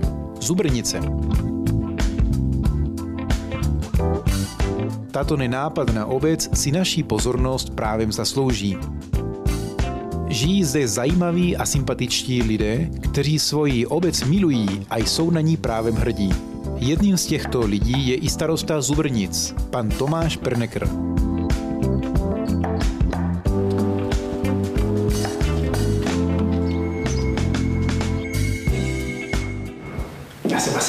Alarm. Doufám, že jsem tady správně. Pojďte se mnou. To už vypadá jako nějaká veřejnoprávní instituce, je tady checkpoint. Jdeme se podívat.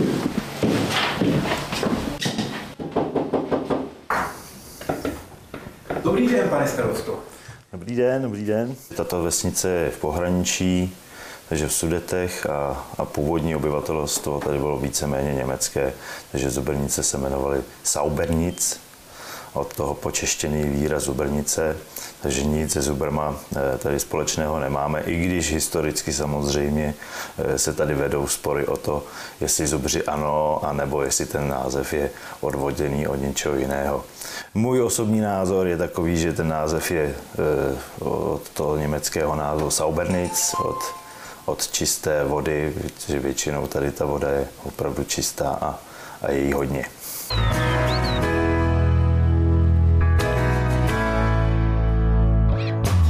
Luční potok za vesnicí je dlouhý jen 12 kilometrů, ale v první polovině 19. století na něm bylo neuvěřitelných 25 mlínů. Dnes na vše dohlíží tento Hasterman.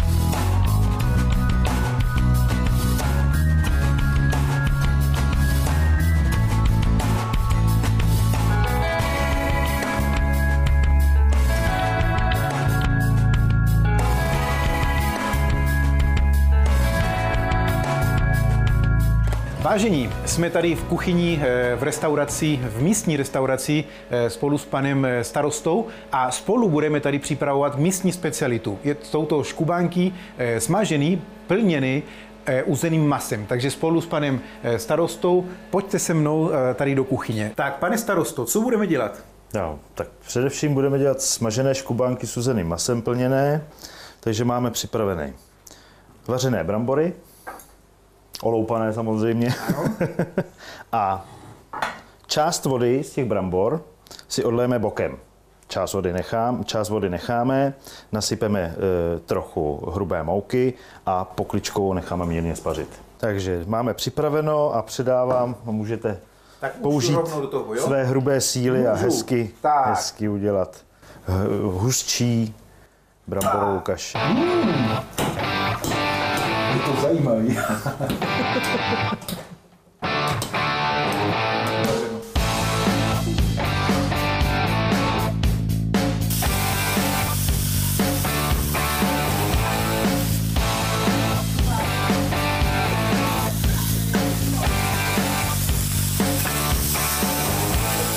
Takže dáme díl domácího sádla při nejlepším. A připravené těsto si připravíme na placičku a dáme smažit do rozpáleného sádla. Takže teď z jedné strany máme opečeno, otočíme na druhou stranu a přitom přidáme tuto směs.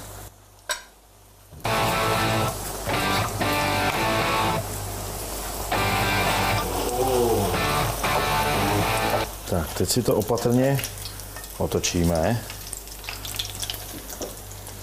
Tak a necháme osmahnout hezky z druhé strany.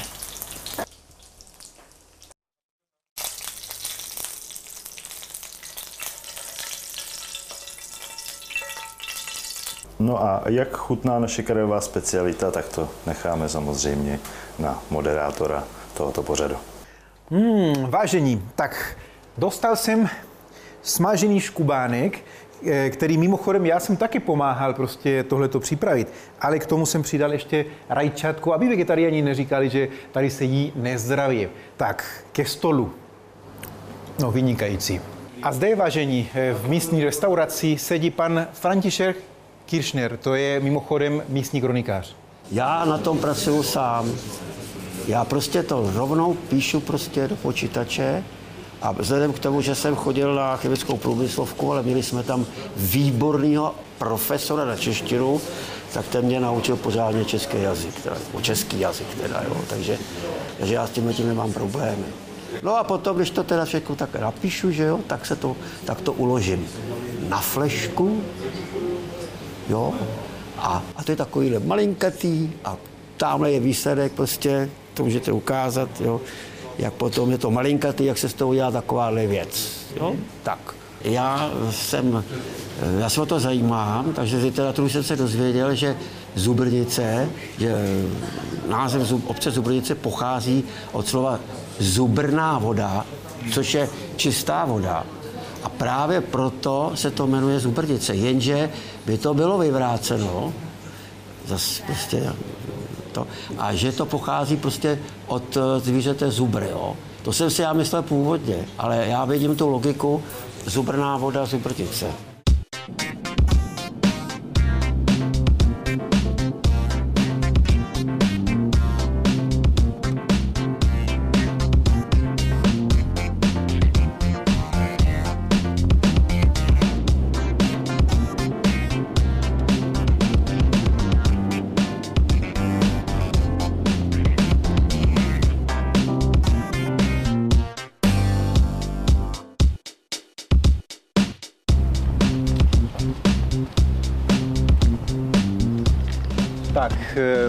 Tady můžeme vidět seznam akcí pořádaných eh, místním obecním úřadem a je to opravdu velmi pestrý. Tady vlastně máme 20. února, to už, to už bylo samozřejmě masopust, který eh, jsme viděli potom nějaké fotky a bylo to fakt velmi úspěšný, ale co teďka brzo bude, to je vlastně akce na Velikonocích 12. a 13. dubna. No jo, hezky se mi tady žije, žiju tady 22 let a do města bych asi nešla, pět let.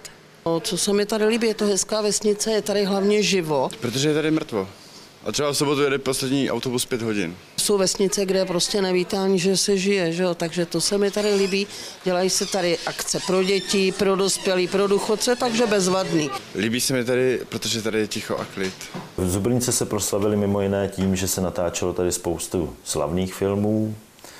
Jeden z těch prvních Páni kluci, pak Rebelové, Hlída číslo 47, a v neposlední řadě samozřejmě dešťová víla.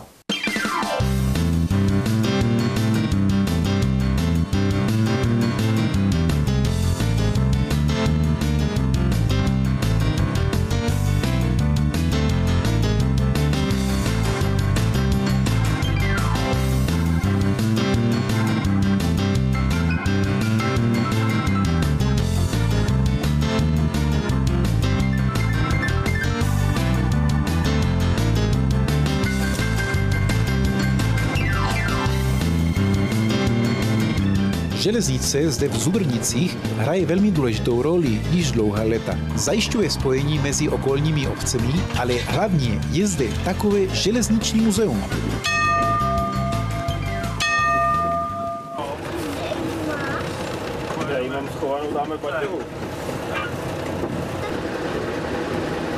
Takže teď jsme v prostoru garáže na Drzíny, kde je teda shrnutá kompletní historie Drzín od těch, od těch šlapacích, motorových kol až po ty vlastně drezíny větší, který vlastně zajišťovali pro traťmistry kontrolu kolejí a vlastně pro traťmistrovský dělníky údržbu kolejí. Tak tady to je drezína už teda malinko novější, je to z roku 1953. Ten rok je daný vlastně těma prvníma dvouma číslama a vlastně v počtu 168. Novější typ má novější motor a vlastně používala se na jedné vlečce tady u nás. Takže teď se dostáváme k vozidlu, který je zajímavý tím, že si zahrálo ve filmu Rebelové. Je to maďarská drezína, která teda na českých kolejích, na československých kolejích nikdy nejezdila. Tady to je osobní inspektorská drezína z roku 1947. Vlastně Tatra. Ano, Tatra, eh, která eh, si vlastně tenhle typ drezní se zahrál i ve filmu Ostře sledovaný vlaky. Tento vůz, který si zahrál jednu z hlavních rolí a já do něj nastoupím.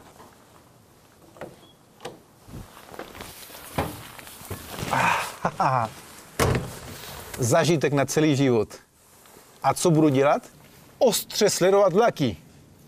Jedem. Tohle je drezína, která vlastně zpestřuje program, když lidi přijedou sem na nádraží, eh, tak se tady můžou projet. Je to drezína eh, finských dráh, která vlastně, eh, kterou používali, nebo používají do dneška ve Finsku vlastně zaměstnanci pro přehazování vyhybek, protože mají daleko vlastně ty ty, ty z hlaví, kde jsou vlastně vyhybky, tak si to nakolejej a jedou přehodit vyhybku na jednu stranu a pak jedou na druhou stranu přehodit vyhybku. Je ještě zajímavý, že eh, ona vlastně má uh, takhle ty, ty hroty no. a že je vlastně prázdná, jo? Že, že má vlastně ty, ty výplně uh, a je to z toho důvodu, že když je, když je sníh, na kolejích, tak ten sníh vlastně zajíždí dovnitř, vypadne a, a jede se dál. Jo. Že kdyby tam, byl, kdyby tam bylo plný kolo, tak, tak vlastně najede na, na sníh a zastaví se. Jo.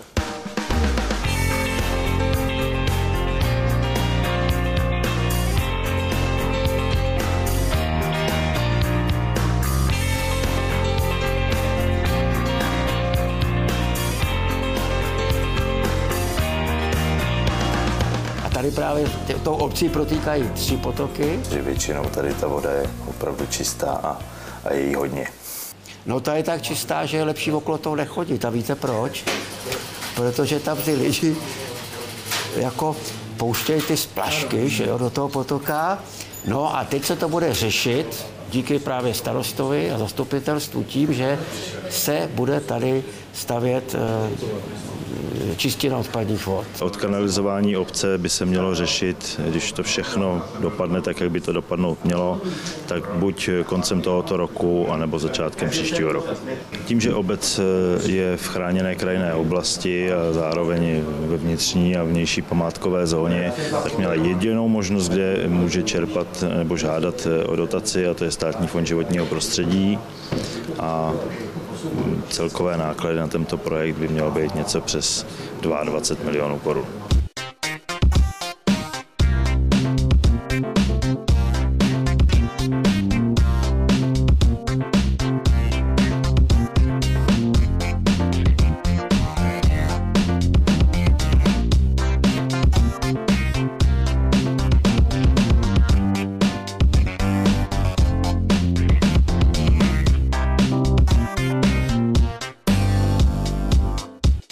Tady za námi nad Zubernicemi je e, Buková hora. E, mimochodem tento vysílač je největší a nejvyšší e, železobetonová stavba tady vůbec v České republice.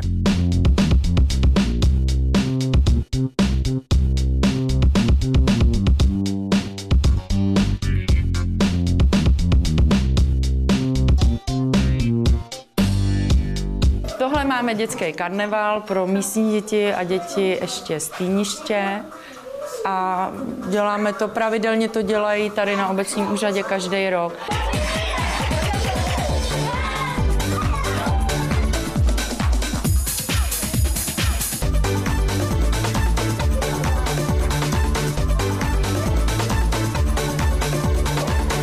Natáčí zde cestoskop, jsem jedině rád samozřejmě, protože Každý starosta by měl být hrdý na tu svoji vesnici a já jsem hrdý na tuhle tu naší vesnici. A, a nadarmo neříkám, že tato je nejkrásnější vesnice v tomto okolí, ale myslím si, že to říká asi určitě každý starosta. Vlak z Zubrnic odjíždí za hodinu. Naschledanou. A s vámi, milí diváci, se těším znovu na výděnou za 14 dní.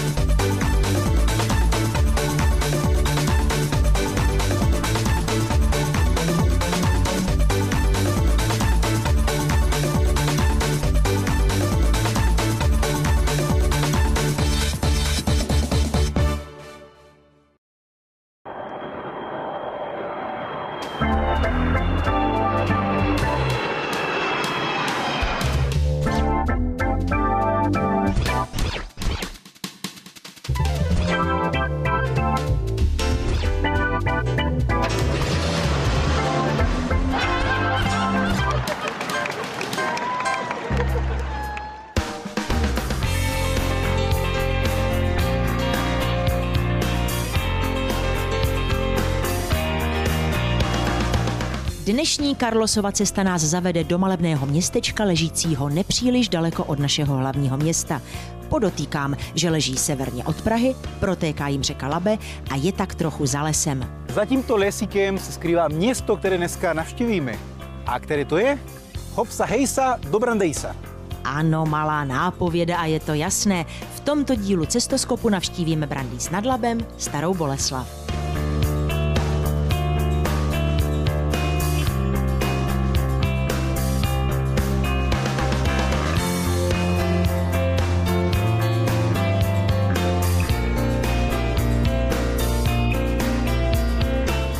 Brandýse je prý okolo 70 hospod, ale Karlo se především zajímá, jak je to tu se sportem. Tady jsou fitka, ale tady si holky myslí, že když chtějí vypadat dobře v plavkách, tak musí začít hubnout už v dubnu. A snad je nějaký najdeme, půjdeme se tam podívat. Je zvláštní, že Carlosovi první kroky z náměstí vedou rovnou do fitka, které je určeno výhradně ženám. No, jistě protože je nejblíže. Jak, jak vidíte, tohle to je vyloženě pro ženy, ale opravdu eh, občas se poráří prostě, co se eh, poražit neměl a pustili mě. Udělají obrovskou vínku a trénuju. A jsem chlap. Funguje to tak, že jsou tady nějaké kardiostanice, to jsou takhle ty malé ty stepry nebo takhle ty plošinky jenom. A pak jsou tady na zahřátí různé rotopedy a takhle. Ležící pás a je to víceméně o tom, že člověk se zahřeje, zvýší si tepovou frekvenci a pak i pomocí těch kardiostanic udržuje a vlastně posiluje na těch strojích. Jo? Je to kombinace strojů a těch kardiostanic, což znamená, že člověk jakoby posiluje, trošku hubne, ale hlavně se spevňuje. Je to spíš o spevňování a ne o hubnutí. Není to posilovna, jo? je to spíš prostě o té linii a tak. Já jsem vlastně začala tím, že jsem tady cvičila asi půl roku, pak jsem teprve začala tady trénovat. Právě protože jsem tady předtím cvičila, už jsem viděla, jak to funguje a tak. To je naprosto neuvěřitelné. Tak blízko do Prahy, a já jsem o tom nevěděl. Ve Staré Boleslavi jsou takový krásný tenisové kurty a já, jak víte, nebo možná nevíte, ale já jsem velkým milovníkem tenisu. Jako menší, eh, pěknější a samozřejmě eh, hubenější člověk jsem hrál tenis. A proto jsem se rozhodl, že se převleknu do sportovního, už míč mám a Zahrajeme si tenis. Tenisovým areálem Houštka je Carlos doslova unešen. Jdeme na to.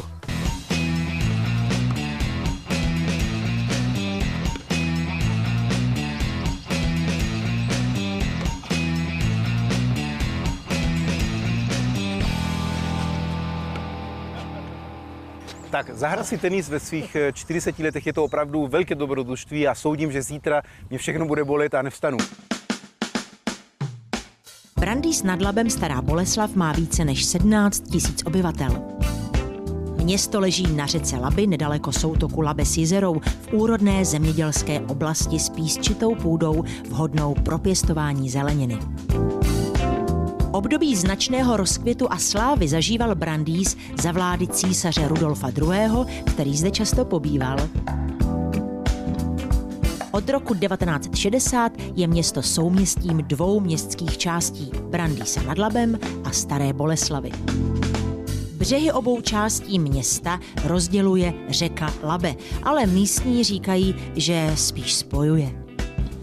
Hádejte, kde se nacházíme právě v tomto okamžiku.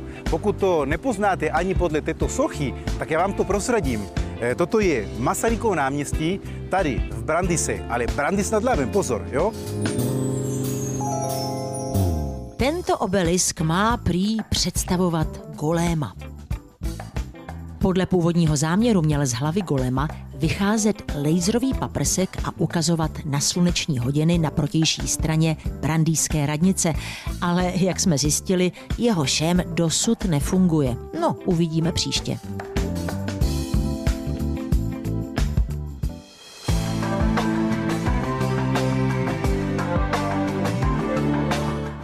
Brandýský zámek tvoří nepřehlédnutelnou dominantu města a nebyl by to Carlos, kdyby zde neobjevil něco zajímavého. Měli jsme štěstí. Šermíři právě nacvičovali vystoupení na akci audience u císaře Karla I., která se uskuteční 3. května. Jejíž průběh Carlos, jak vidíte, zdárně narušil. My dneska máme takové štěstí, šermíři jsou zrovna tady. A pojďte se mnou, uvidíme, jestli se dá s nimi mluvit. Po 6 hodinách na place šlo do stresu. Ale kaprálové jsou ještě tak jediný, kdo tam smí používat mozek. Všechno ostatní už vypněte. Dopředu, dozadu, doleva, doprava. Ne, no takhle ne, vypněte. Po, ne, používejte ho je, tak, jenom možná k se plnění někdy toho, co slyšíte. taky, ne? ne, tvůrčím způsobem. Nepoužívejte mozek tvůrčím způsobem. Funkce velitele je pro Karlose neodolatelnou představou. A já mám opravdu štěstí dneska, protože jsem se aspoň na chviličku stal velitelem. A jdeme zkusit tady eh, rozkaz. Tak, připravení. Na pochod připravit! Vojaci, pochodem chod! Tímto směrem. Karlo si pořádně A2, A2, A2, to je marný. Tak my představujeme jednotku z 30-leté války, takže to je první polovina 17. století a regiment zemské hotovosti, to znamená, že to je jakási domobrana, která se v případě ohrožení českých zemí svolávala. V létě to tam už pak tolik netrénujeme, to jezdíme právě na různé akce v Čechách, ale i do zahraničí. Letos máme poměrně dost výjezdů do zahraničí. No a tam už bychom právě měli eh, předvádět to, co, eh, to, co jsme si teďka secvičili. Co se týče eh, tady kolegů, kteří vlastně dělají, co by klub vojenské historie, období 30 leté války, která je vlastně pro Čechy nejvíc podstatným vojenským střetnutím, protože opravdu jsme naší nesnášenlivostí dokázali a občanskou válkou e, zatáhli jsme celou Evropu do tohoto konfliktu. Švédská armáda e, vlastně na území e, středních Čech vpadla v roce 1639 a byla to vojska Johana Gustafsona Bannera, který byl jedním z nejukrutnějších důstojníků švédské armády. Proto také kroniky nejenom obcí a měst se zmiňují o neskutečných krutostech páchaných těmito vojáky a docházelo k neskutečným vraždám civilního obyvatelstva. Ale zámek a vůbec Brandýs a Stará Boleslav za stolik nebyla tímto vpádem dotknuta, protože my jsme se vzdali bez boje.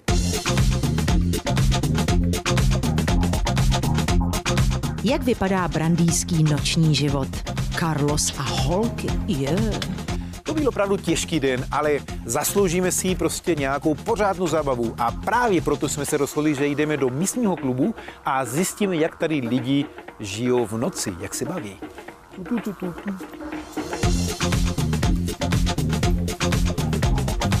No, no, tady noční život nějaký je. Já myslím, že tam bude to dobrý, ale. mám strašnou žízeň, tak jdu se tady na bar prostě podívat, jestli mi něco dají. A ah, tady určitě něco můžu asi objednat, ne? Co tady dávají dobrýho? Asi mojito, jestli je to jako u nás. Na zdravíčko.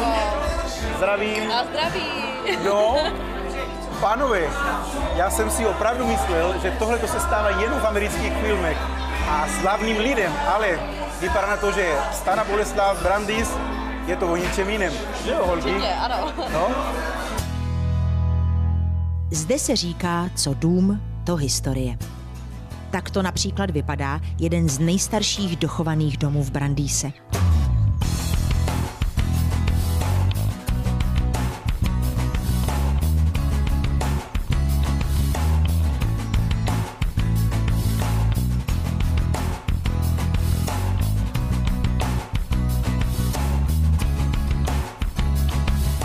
Nedaleko od Brandýsa teče řeka Jizera. Ta se vlévá do Labe u obce Káraný. Tady za mnou je Jizera, eh, mimochodem jedna z eh, nejchladnějších vod tady v České republice. A tady žije velká populace tloušťů a proto eh, tato řeka je oblíbená sportovními rybáři.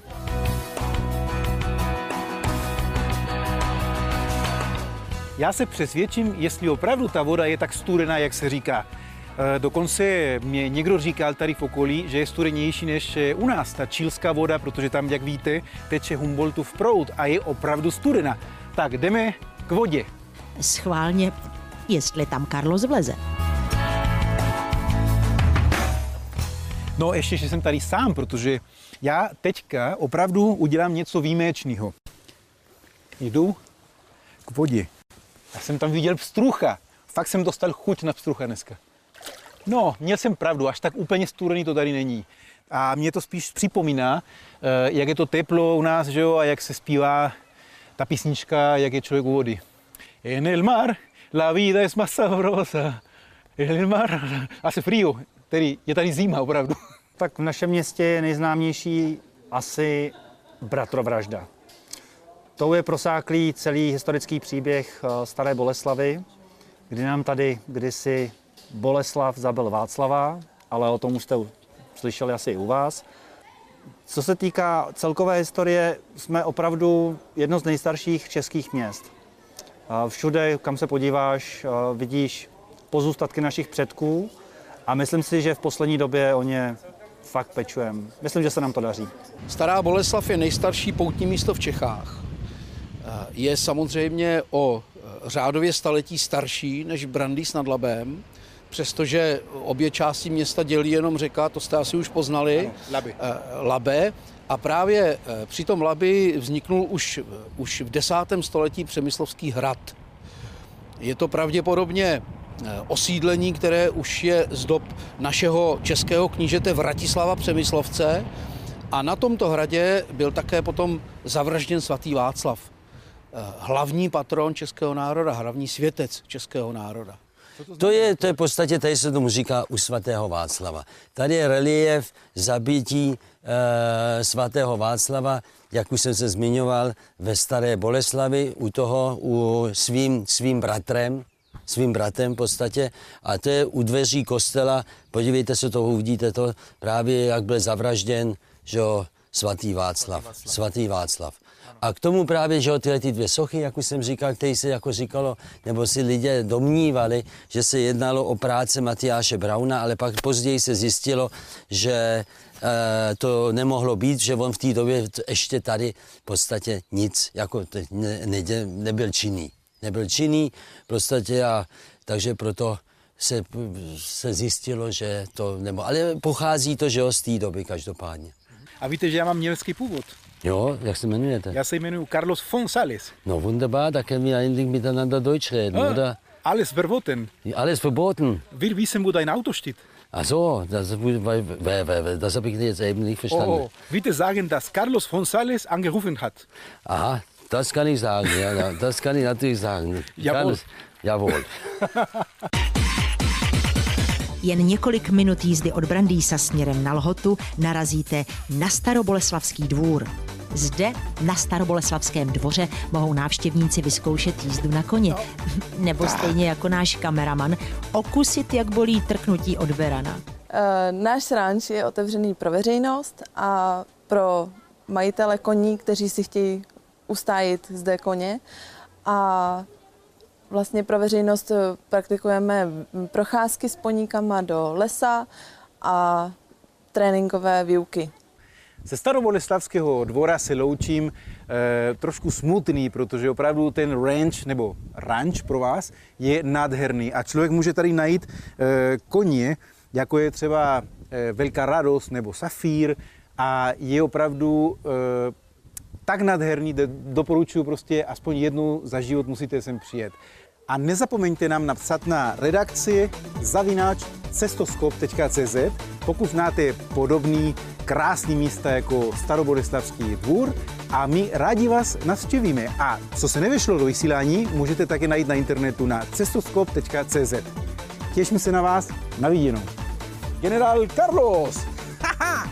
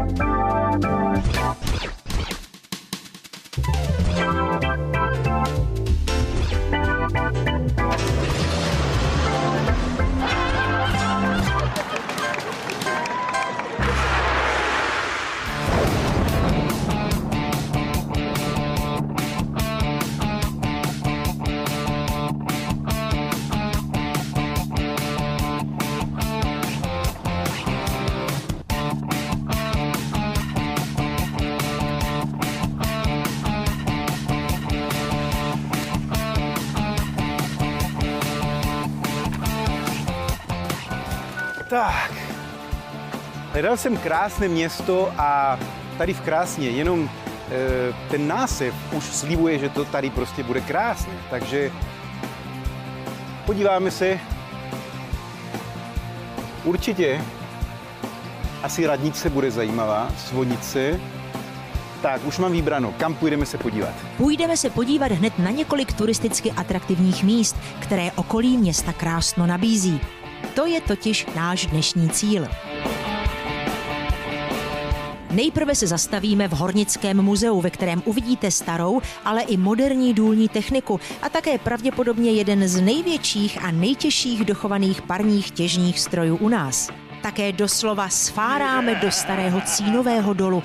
Ukážeme vám, jak se rašelina mění na unikátní kosmetiku a společně s naší kamerou a panem starostou vyšplháme na známou rozhlednu. No, pohybu bude dost.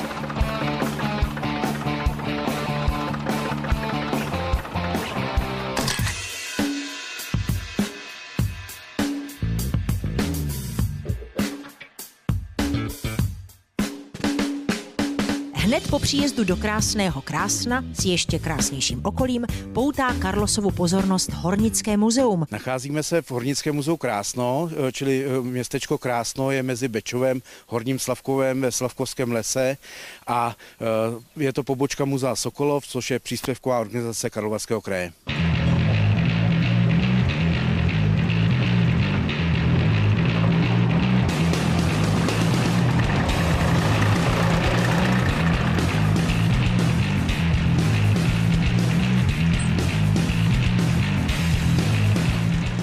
Před chvílí jsme se svezli v eh, jedoucím exponátu.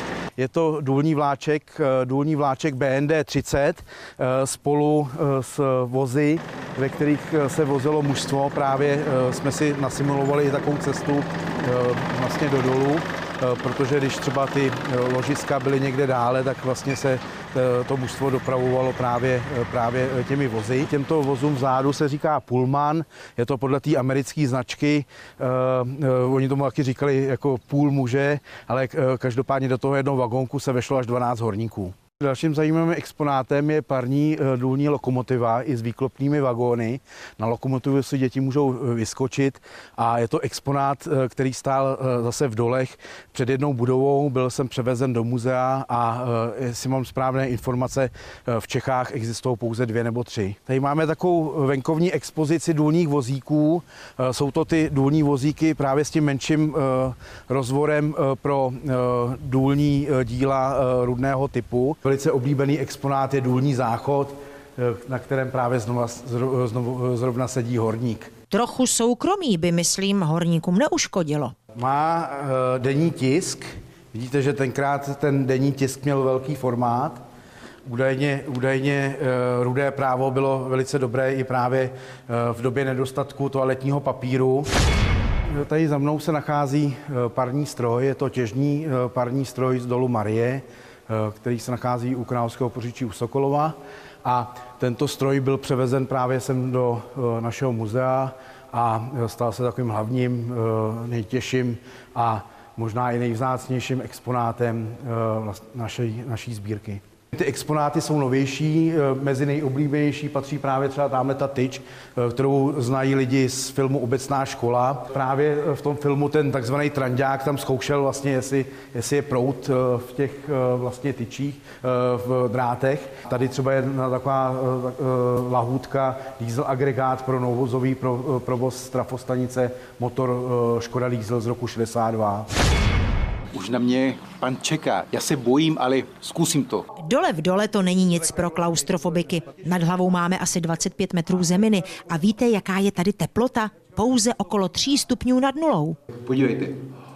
Teď se nacházíme v komoře, eh, kde právě nad náma jsou takový očouzený stropy a právě to očouzení, to je eh, právě to tak stopy posázení ohněm. Eh, je to vlastně takzvané žárové dobývání a prakticky horníci rozdělali oheň, čili vlastně tady máme před hranici, samozřejmě to, ten oheň tady rozdělat nebudeme, rozdělili oheň, víceméně eh, ten žár narušil eh, tu horninu a když to potom vychladlo, tak vlastně tím, jak to bylo narušený, tak horníkům potom potom se líp postupovalo. Karlosi, tady se nacházíme v další komůrce a tady právě ty škrábance. No.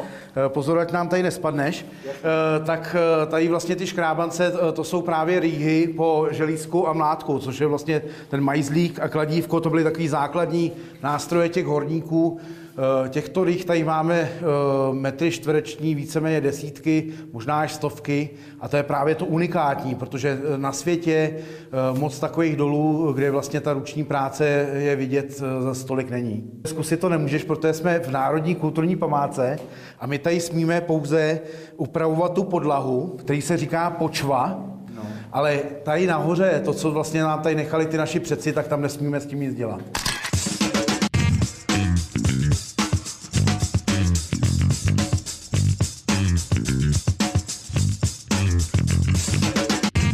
Pan starosta Miroslav Kirejev nás přijal ve své útulné kanceláři a hned začal vyprávět o svém milovaném městě. Ale krásno, je malá obec, tady máme 734 obyvatel. Pan starosta je muž na svém místě. O město se, jak jsme zjistili, vzorně stará a pod jeho vedením roste krásno do krásy. E, nebo do krásna? Hm.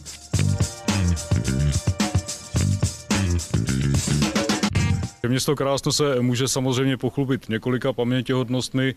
Jednou z těch nejvýznamnějších je kostel svaté Kateřiny, pak je tady samozřejmě historická radnice. Nahoře na náměstí nejsvětější trojice je soustoší nejsvětější trojice. Dole na náměstí máme pomník eh, umučených žen při pochodu smrti. Eh, nahoře nad Krásnem blízko eh, Krásenské rozhledny, tak máme vlastně kapličku Pany Marie Sněžné. Tady za kostelem máme kapličku znovu zrození. Jo, je tady toho spousta. My jsme srovna teďka přijeli do Krásna a zjišťujeme, jak se tady lidem žije, co je tady zajímavého. A například tady jsou dvě mladé dámy, které nejsou z Krásna, ale možná jste přijeli, protože je tady samozřejmě atraktivní, něco zajímavého určitě jste našli. No taky to je také rozhledna krásná a hospoda. Asi ta rozhledna, no nejvíc. Eh, pan starosta eh, rozhodl, že se tady postaví druhou mateřskou školu, ale tito děti jsou už eh, větší. Co děláte tady děti? Jak se bavíte? Jezdíme na kole a tak, skáčeme na trampošce a A hlavně většina obyvatel tady má třeba zahrady, psy a jiný ostatní mazlíčky, takže tady jezdíme třeba na náměstí, jezdíme na kolečkových bruslích a je tady hodně dětí, takže se máme s kým bavit. Byla jsem v Jižních Čechách, z Vodňan jsem a když by, kdyby mi někdo řekl, že tady budu tak dlouho, tak bych to nevěřila.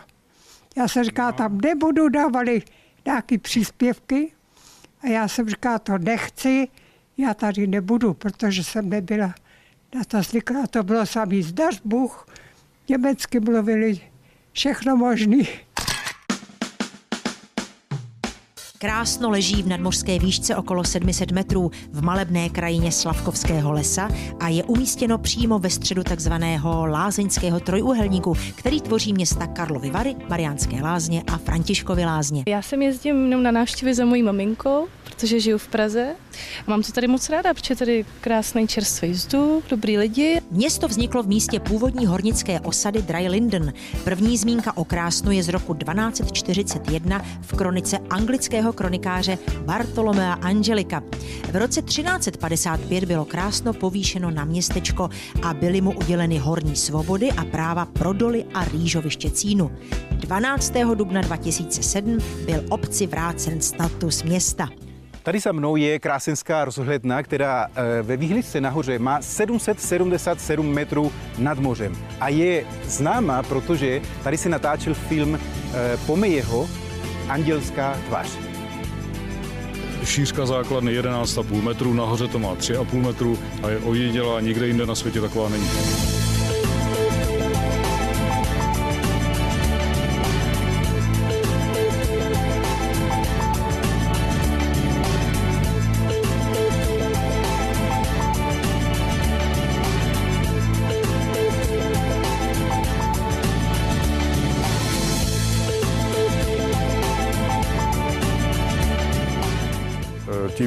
Vlastně naše rozhledna vznikla za období velké hospodářské krize v letech 1932 až 35, bylo zde zaměstnáno v průměru tak 25 dělníků, kdy jejich denní mzda odpovídala eh, vlastně ceně jednoho bochníku chleba. Za kostelem svaté Kateřiny je dnes v podstatě už zaniklý hřbitov, kdy za druhé světové války, někdy v roce 1943, tam tento prostor navštívil Adolf Hitler s Goebbelsem a s Himmlerem a proto ten park byl následně pak pojmenován Hitlerův park.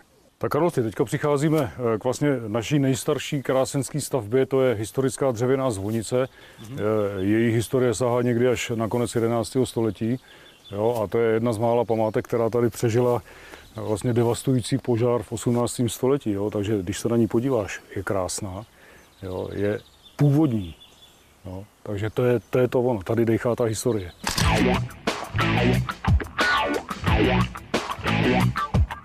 Okolí Krásna jsou nevelká rašeliniště.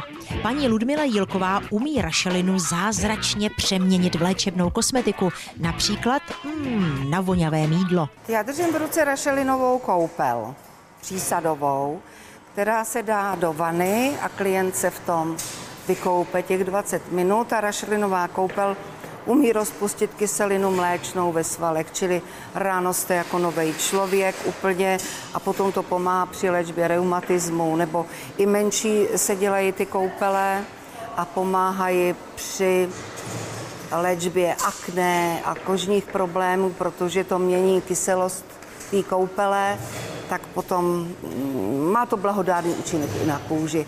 Protože rašelina má chelátový účinek, velmi slavný, to znamená, že ty škodliviny z vás vyplaví.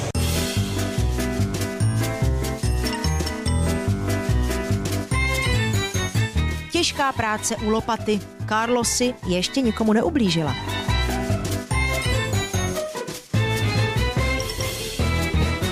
Aby si věděl, Karlo, s čím si hraješ, tohle to je to teda důležitý věci jsou to. Tak buď je to dětská punčoška nebo středověká antikoncepce. Já totiž jako jediná na světě umím vyrobit vaginální tampon pro dámy. A to se takhle, víš co, veme ta tuba, která se nejdřív ohřeje, takhle se na to našroubuje aplikační nástavec, no a to si ženská zavede do sebe, takhle to zmáčkne, ta rašelina zůstane v ní a zůstane tam tak dlouho, jak ty indikace předpisují. Tak to zrovna není žádná legrace, ale já si myslím, že velmi kulturní prostředek na to, aby zase v Česku byly děti. Otec myšlenky, pan doktor Kovařík, pravil, že je tam třeba víc té rašeliny, aby ty účinky byly ještě, ještě lepší. Milí diváci, než odejdeme z Krásna, já vám něco prozradím. Tady s kolegami jsme zjistili, že paní královna Rašelina Královna má schopnosti, věštecké schopnosti a já si ji vyzkouším. Paní Jílková, co bude s cestoskopem? Cestoskop bude fungovat tak dlouho, jak vy budete chtít. A když to budete dělat tak dobře, jako to děláte doteď, tak to bude úžasné. Tak máte na co se těšit. Město Krásno a především jeho okolí rozhodně stojí za návštěvu. Návštěvníci a turisté zde najdou vše, co potřebují ke Krásno. Jak se dalo čekat, tady v Krásně je opravdu krásno. Vidíte sami, tady krásná příroda, eh, se starostu nám bylo krásně, eh, krásná rozhledna, prostě všechno je tady opravdu krásno. A jestli vy také znáte podobná krásná místa tady v České republice, můžete nám napsat na redakce zavinač cestoskop.cz a my vás rádi navštívíme. A co se dneska nevešlo do vysílání, můžete to najít tady na www.cestoskop.cz. Těším se na vás, na viděnou.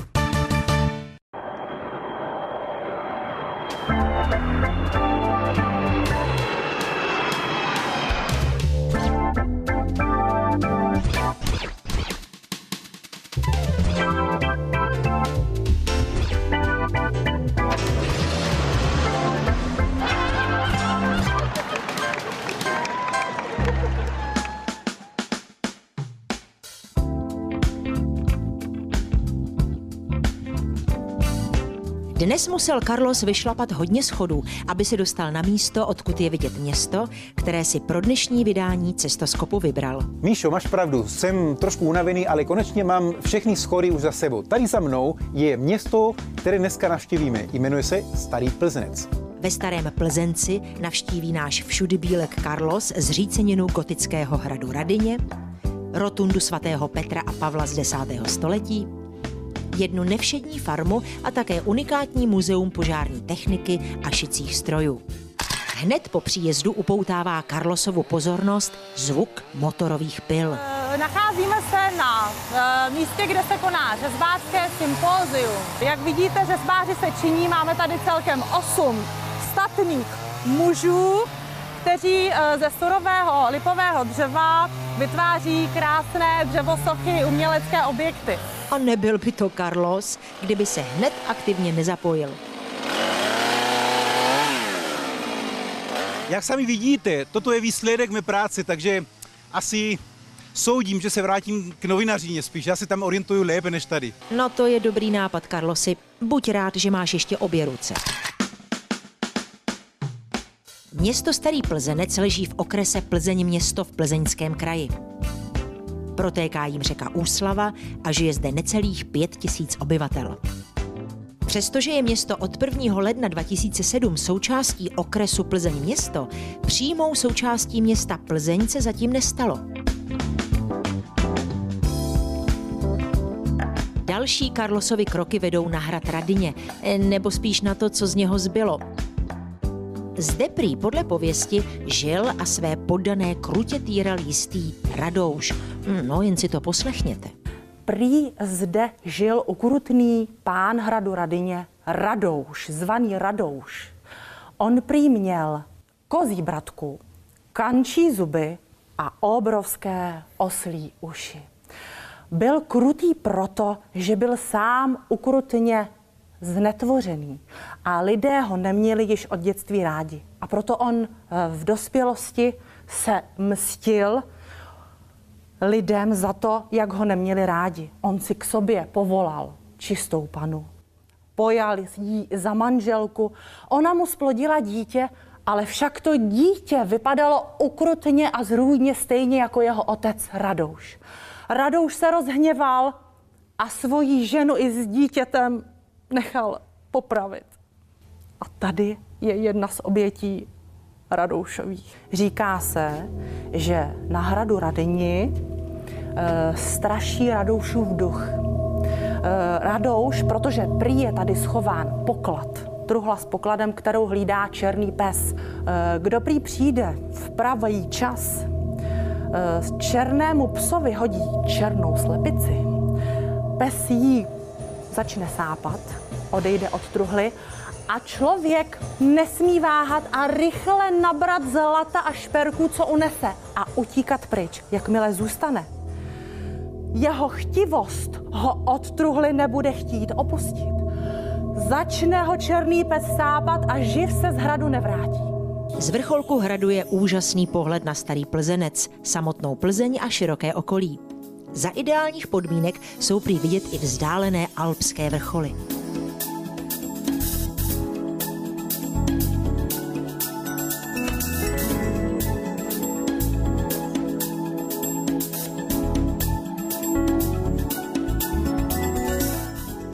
Ale, ale, co to vidím? Carlos v pokladně? No, uvidíme, kdo se stal jeho obětí. Señora, señora, un momentito, por favor. Venga, para acá. Sí, tiene un papelito para el sello. Štempel nemám. No? nem, nemám No, ten. dinero, dinero, tiene que pagar. Eh, cin- list. 50 coronas más. Puede pagar con tarjeta de crédito. Ty stupenku? ¿Cómo? Bilet. Seguramente lo sabe la señora. ¿La otra señora? No. eh, ah, esta. Karta. Tarjeta, sí, pagar. No já jsem platila, tady mám zaplaceno, pagáta. Eh, señora, no, no pagó dinero. Já jsem platila, my jsme platili, když jsme šli naho- nahoru, nebo co chce? Eh, llame a la policía, señor. No, no pagó. A la policía. Ty si ze mě děláš legraci. A paní dostala strach, že jo? Já už, já už Ne, ne, nemůžu. ne, já, já už jsem se začala čílet, protože jsem zaplatila a mám všechno v pořádku. Nacházíme se přímo tady na Masarykově náměstí eh, ve Starém Plzenci, kdy nám bylo řečeno, že najdeme rozcesník, protože se musíme rozhodnout, jakým směrem se vydáme. Kousek od centra Starého Plzence je Sedlec, eh, kde se nachází eh, právě toto unikátní hasičský muzeum. A mimochodem, příští rok tento sbor dobrovolných hasičů oslaví výročí 125 let. Tam jsme zastihli pana Františka Chrastěla, který sbírá starou hasičskou techniku a také šicí stroje. V roce 90 jsme měli stoletý výročí založení sboru, tak jsme u té příležitosti otevřeli jako hasičský muzeum. Dneska tady vidíte techniku, kterou si poučí do Šťálav na výročí 130 let. Je to eh, Saxeling východoněmecký výroby. Carlos opět musí vše osobně vyzkoušet. Carlos hasičem, jako malý chtěl být jako většina kluků požárníkem. A vypadá, že mu to zůstalo. Carlos si u nás se jezdí dopředu. Rumuni asi nikdy chybu nedělali. No a tady naštěstí je návod, jak řídit eh, hasičský vůz. Bohužel asi se s tím neporadím, protože je to německý. Nádherná a velká sbírka šicích strojů ze začátku století, z časů první i druhé světové války a tenhle si pamatuji i já, Lada, takže z nedávna. Podívejte, co jsme tady našli. To je unikátní výstava e, šicích strojů sběratele Františka Chrastila. Například tady máme e, Astru, tohle to je Pfaff, je to asi celkově 140 strojů. No a je to bez sporu jedna z největších e, výstav šicích strojů tady v Plzeňském kraji. Tuhle šicí sbírku můžete samozřejmě navštívit i vy a pokud vám doma nějaký šicí stroj přebývá, tak víte kam s ním. Rovnou z Hasičského muzea vyráží Carlos na obhlídku okolí Starého Plzence a především za jeho památkami. Zde se nacházíme na místě brodu, který vlastně určil polohu toho správního střediska, které se tady rozkládá nad námi, nad tou střechou tady té informační tabule, a kde vlastně jsou prvopočátky přemyslovské vlády v západních Čechách. Teď se zrovna díváme tím směrem na kostel narození Pany Marie. Byl postaven vlastně na opevněném místě. Vlevo vidíte faru, ve které vlastně jsou zbytky opevněného sídla a bylo to vlastně opevněné místo v tom předlokačním směru. Ten kostel je vlastně nejvýznamnější památkou po rotundě na hradišti. Je v něm zachováno vlastně ta raně gotická fáze a vevnitř je také vymalován krystologický cyklus z doby vlády Karla IV. Pravděpodobně ho založil svatý Vojtěch 992. Tak kostel malý, jenom e, několik metrů široký. V původní podobě se nám zachoval presbytář. To je tuhle ta část, co tady má ten nevítězný oblouk. Jo? Tomu se říká presbytář je pro kněze a asistenci. Tuhle máte klembu, gotickou původní klembu. Fresky jsou ucelený krystologický cyklus. Jestli něco o tom víte, tak je to z Bible z Nového zákona čas životopisu Kristova. Na začátku tohoto dílu jsme vám ukázali eh, město Starý Plzenec z hradu Radíně. Včera jsme tam byli zrovna, ale Starou Plzeňáci milují eh, pohled na město Starý Plzenec právě z tohoto místa. Plzeň se mi líbí, jsem vlastně občan celý leta tady bydlím. Jo, je to kulturní město, historické město. Já provázím eh, turisty na Rotundě a hlavně mě těší, že vlastně je o to větší a větší zájem. Jsme hrdí, že tady žijem a teď se tu udělala ta stezka. Ale zpět k hradišti a starobylé rotundě svatého Petra a Pavla. Více nám prozradí průvodce Václav Fischer. Tohleto místo je důležité hlavně tím, že vlastně kopíruje de facto Prahu. Před námi vlastně vidíte městečko. Když se podíváme úplně doprava, tak máme lokalitu u svatého Blaže, kde se rozprostírala lokalita Krabotov. Té v Praze vlastně simuluje Vyšehrad. A vlastně to v dálce máme tady dneska takovou, říká se tomu Vilová čtvrť. A to, to je vlastně ta čtvrť, která vlastně navozuje atmosféru dnešního nového města. Takže my tu máme vlastně takovou Prahu v malém. Samotná rotunda stojí vysoko nad městem a celý náš štáb dostává pořádně do těla, že, Karlosi a Milane? Ale ten pohled za to určitě stojí, no řekněte sami. Dále v té rotundě máme dlaždice, které se zde našly před vchodem. Jsou to vlastně dlaždice pražsko-vyšeradského typu a znázorňují grify a podobiznu císaře Nerona, který znázorňoval vlastně římského krutovláce, který byl vlastně horlivým pronásledovatelem křesťanů. A křesťané se mu potom mstili tím, že si odlévali do, do dlaždic a ty dlaždice potom osazovali do svatyň a při bohoslužbách po něm rádi šlapali.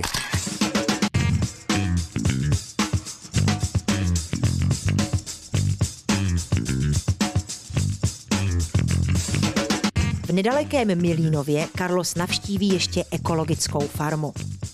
Carlos se o ekologii živě zajímá a hlavně o to, jak se základy ekologie prezentují dětem.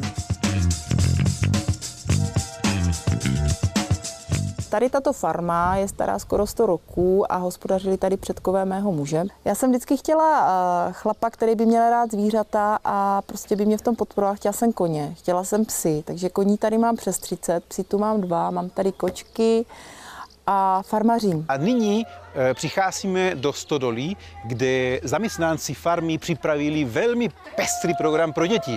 Společně pojdeme se podívat, co tady dělají děti. Děti pozor, do lesa!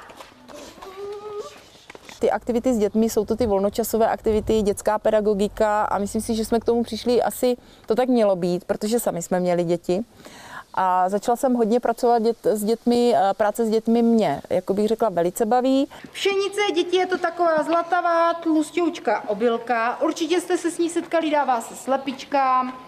Ale hlavně z pšenice, kdyby nebyla pšenice děti, tak na světě zemře spoustu lidí hlady. Je to společně s rýží a s kukuřicí to nejpěstovanější obilí na celém světě. Děti u nás dojí, děti u nás si sloukají máslo, děti si vyzkouší práci s kosou, děti si vyzkouší práci s cepem, eh, poznají biopotraviny na vlastní eh, chuť, bych řekla, na vlastní jazyk, vyzkouší rozdíl mezi mrkví ekologickou, neekologickou, povozí se na koní, pomazlí si kozy, ovce, koně, máme tu teď nejmenší plemeno krav, plemeno Dexter, takže i kvůli dětem jsme to zakoupili, takže se podívají na to telátko, dneska si ho tu i tel, hladili, když nám uteklo.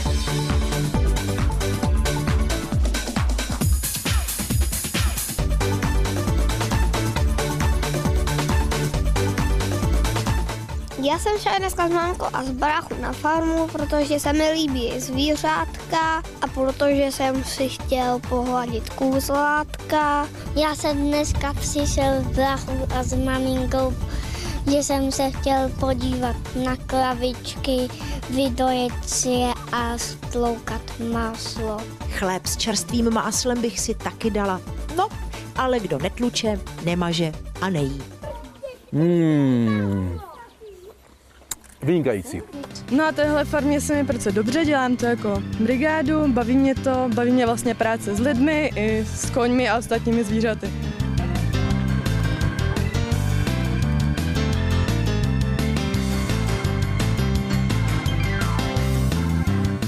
Navštěva starého Plzence začala tam nahoře na Radině a končí na druhé straně města, tady na hradu Plzeň. A odtud se s vámi loučíme, ale můžete nám napsat na redakci zavináč cestoskop.cz, pokud znáte podobná místa, jako je toto město, krásné město. A co se nevešlo do vysílání, najdete to na www.cestoskop.cz. Těším se na vás, na viděnou.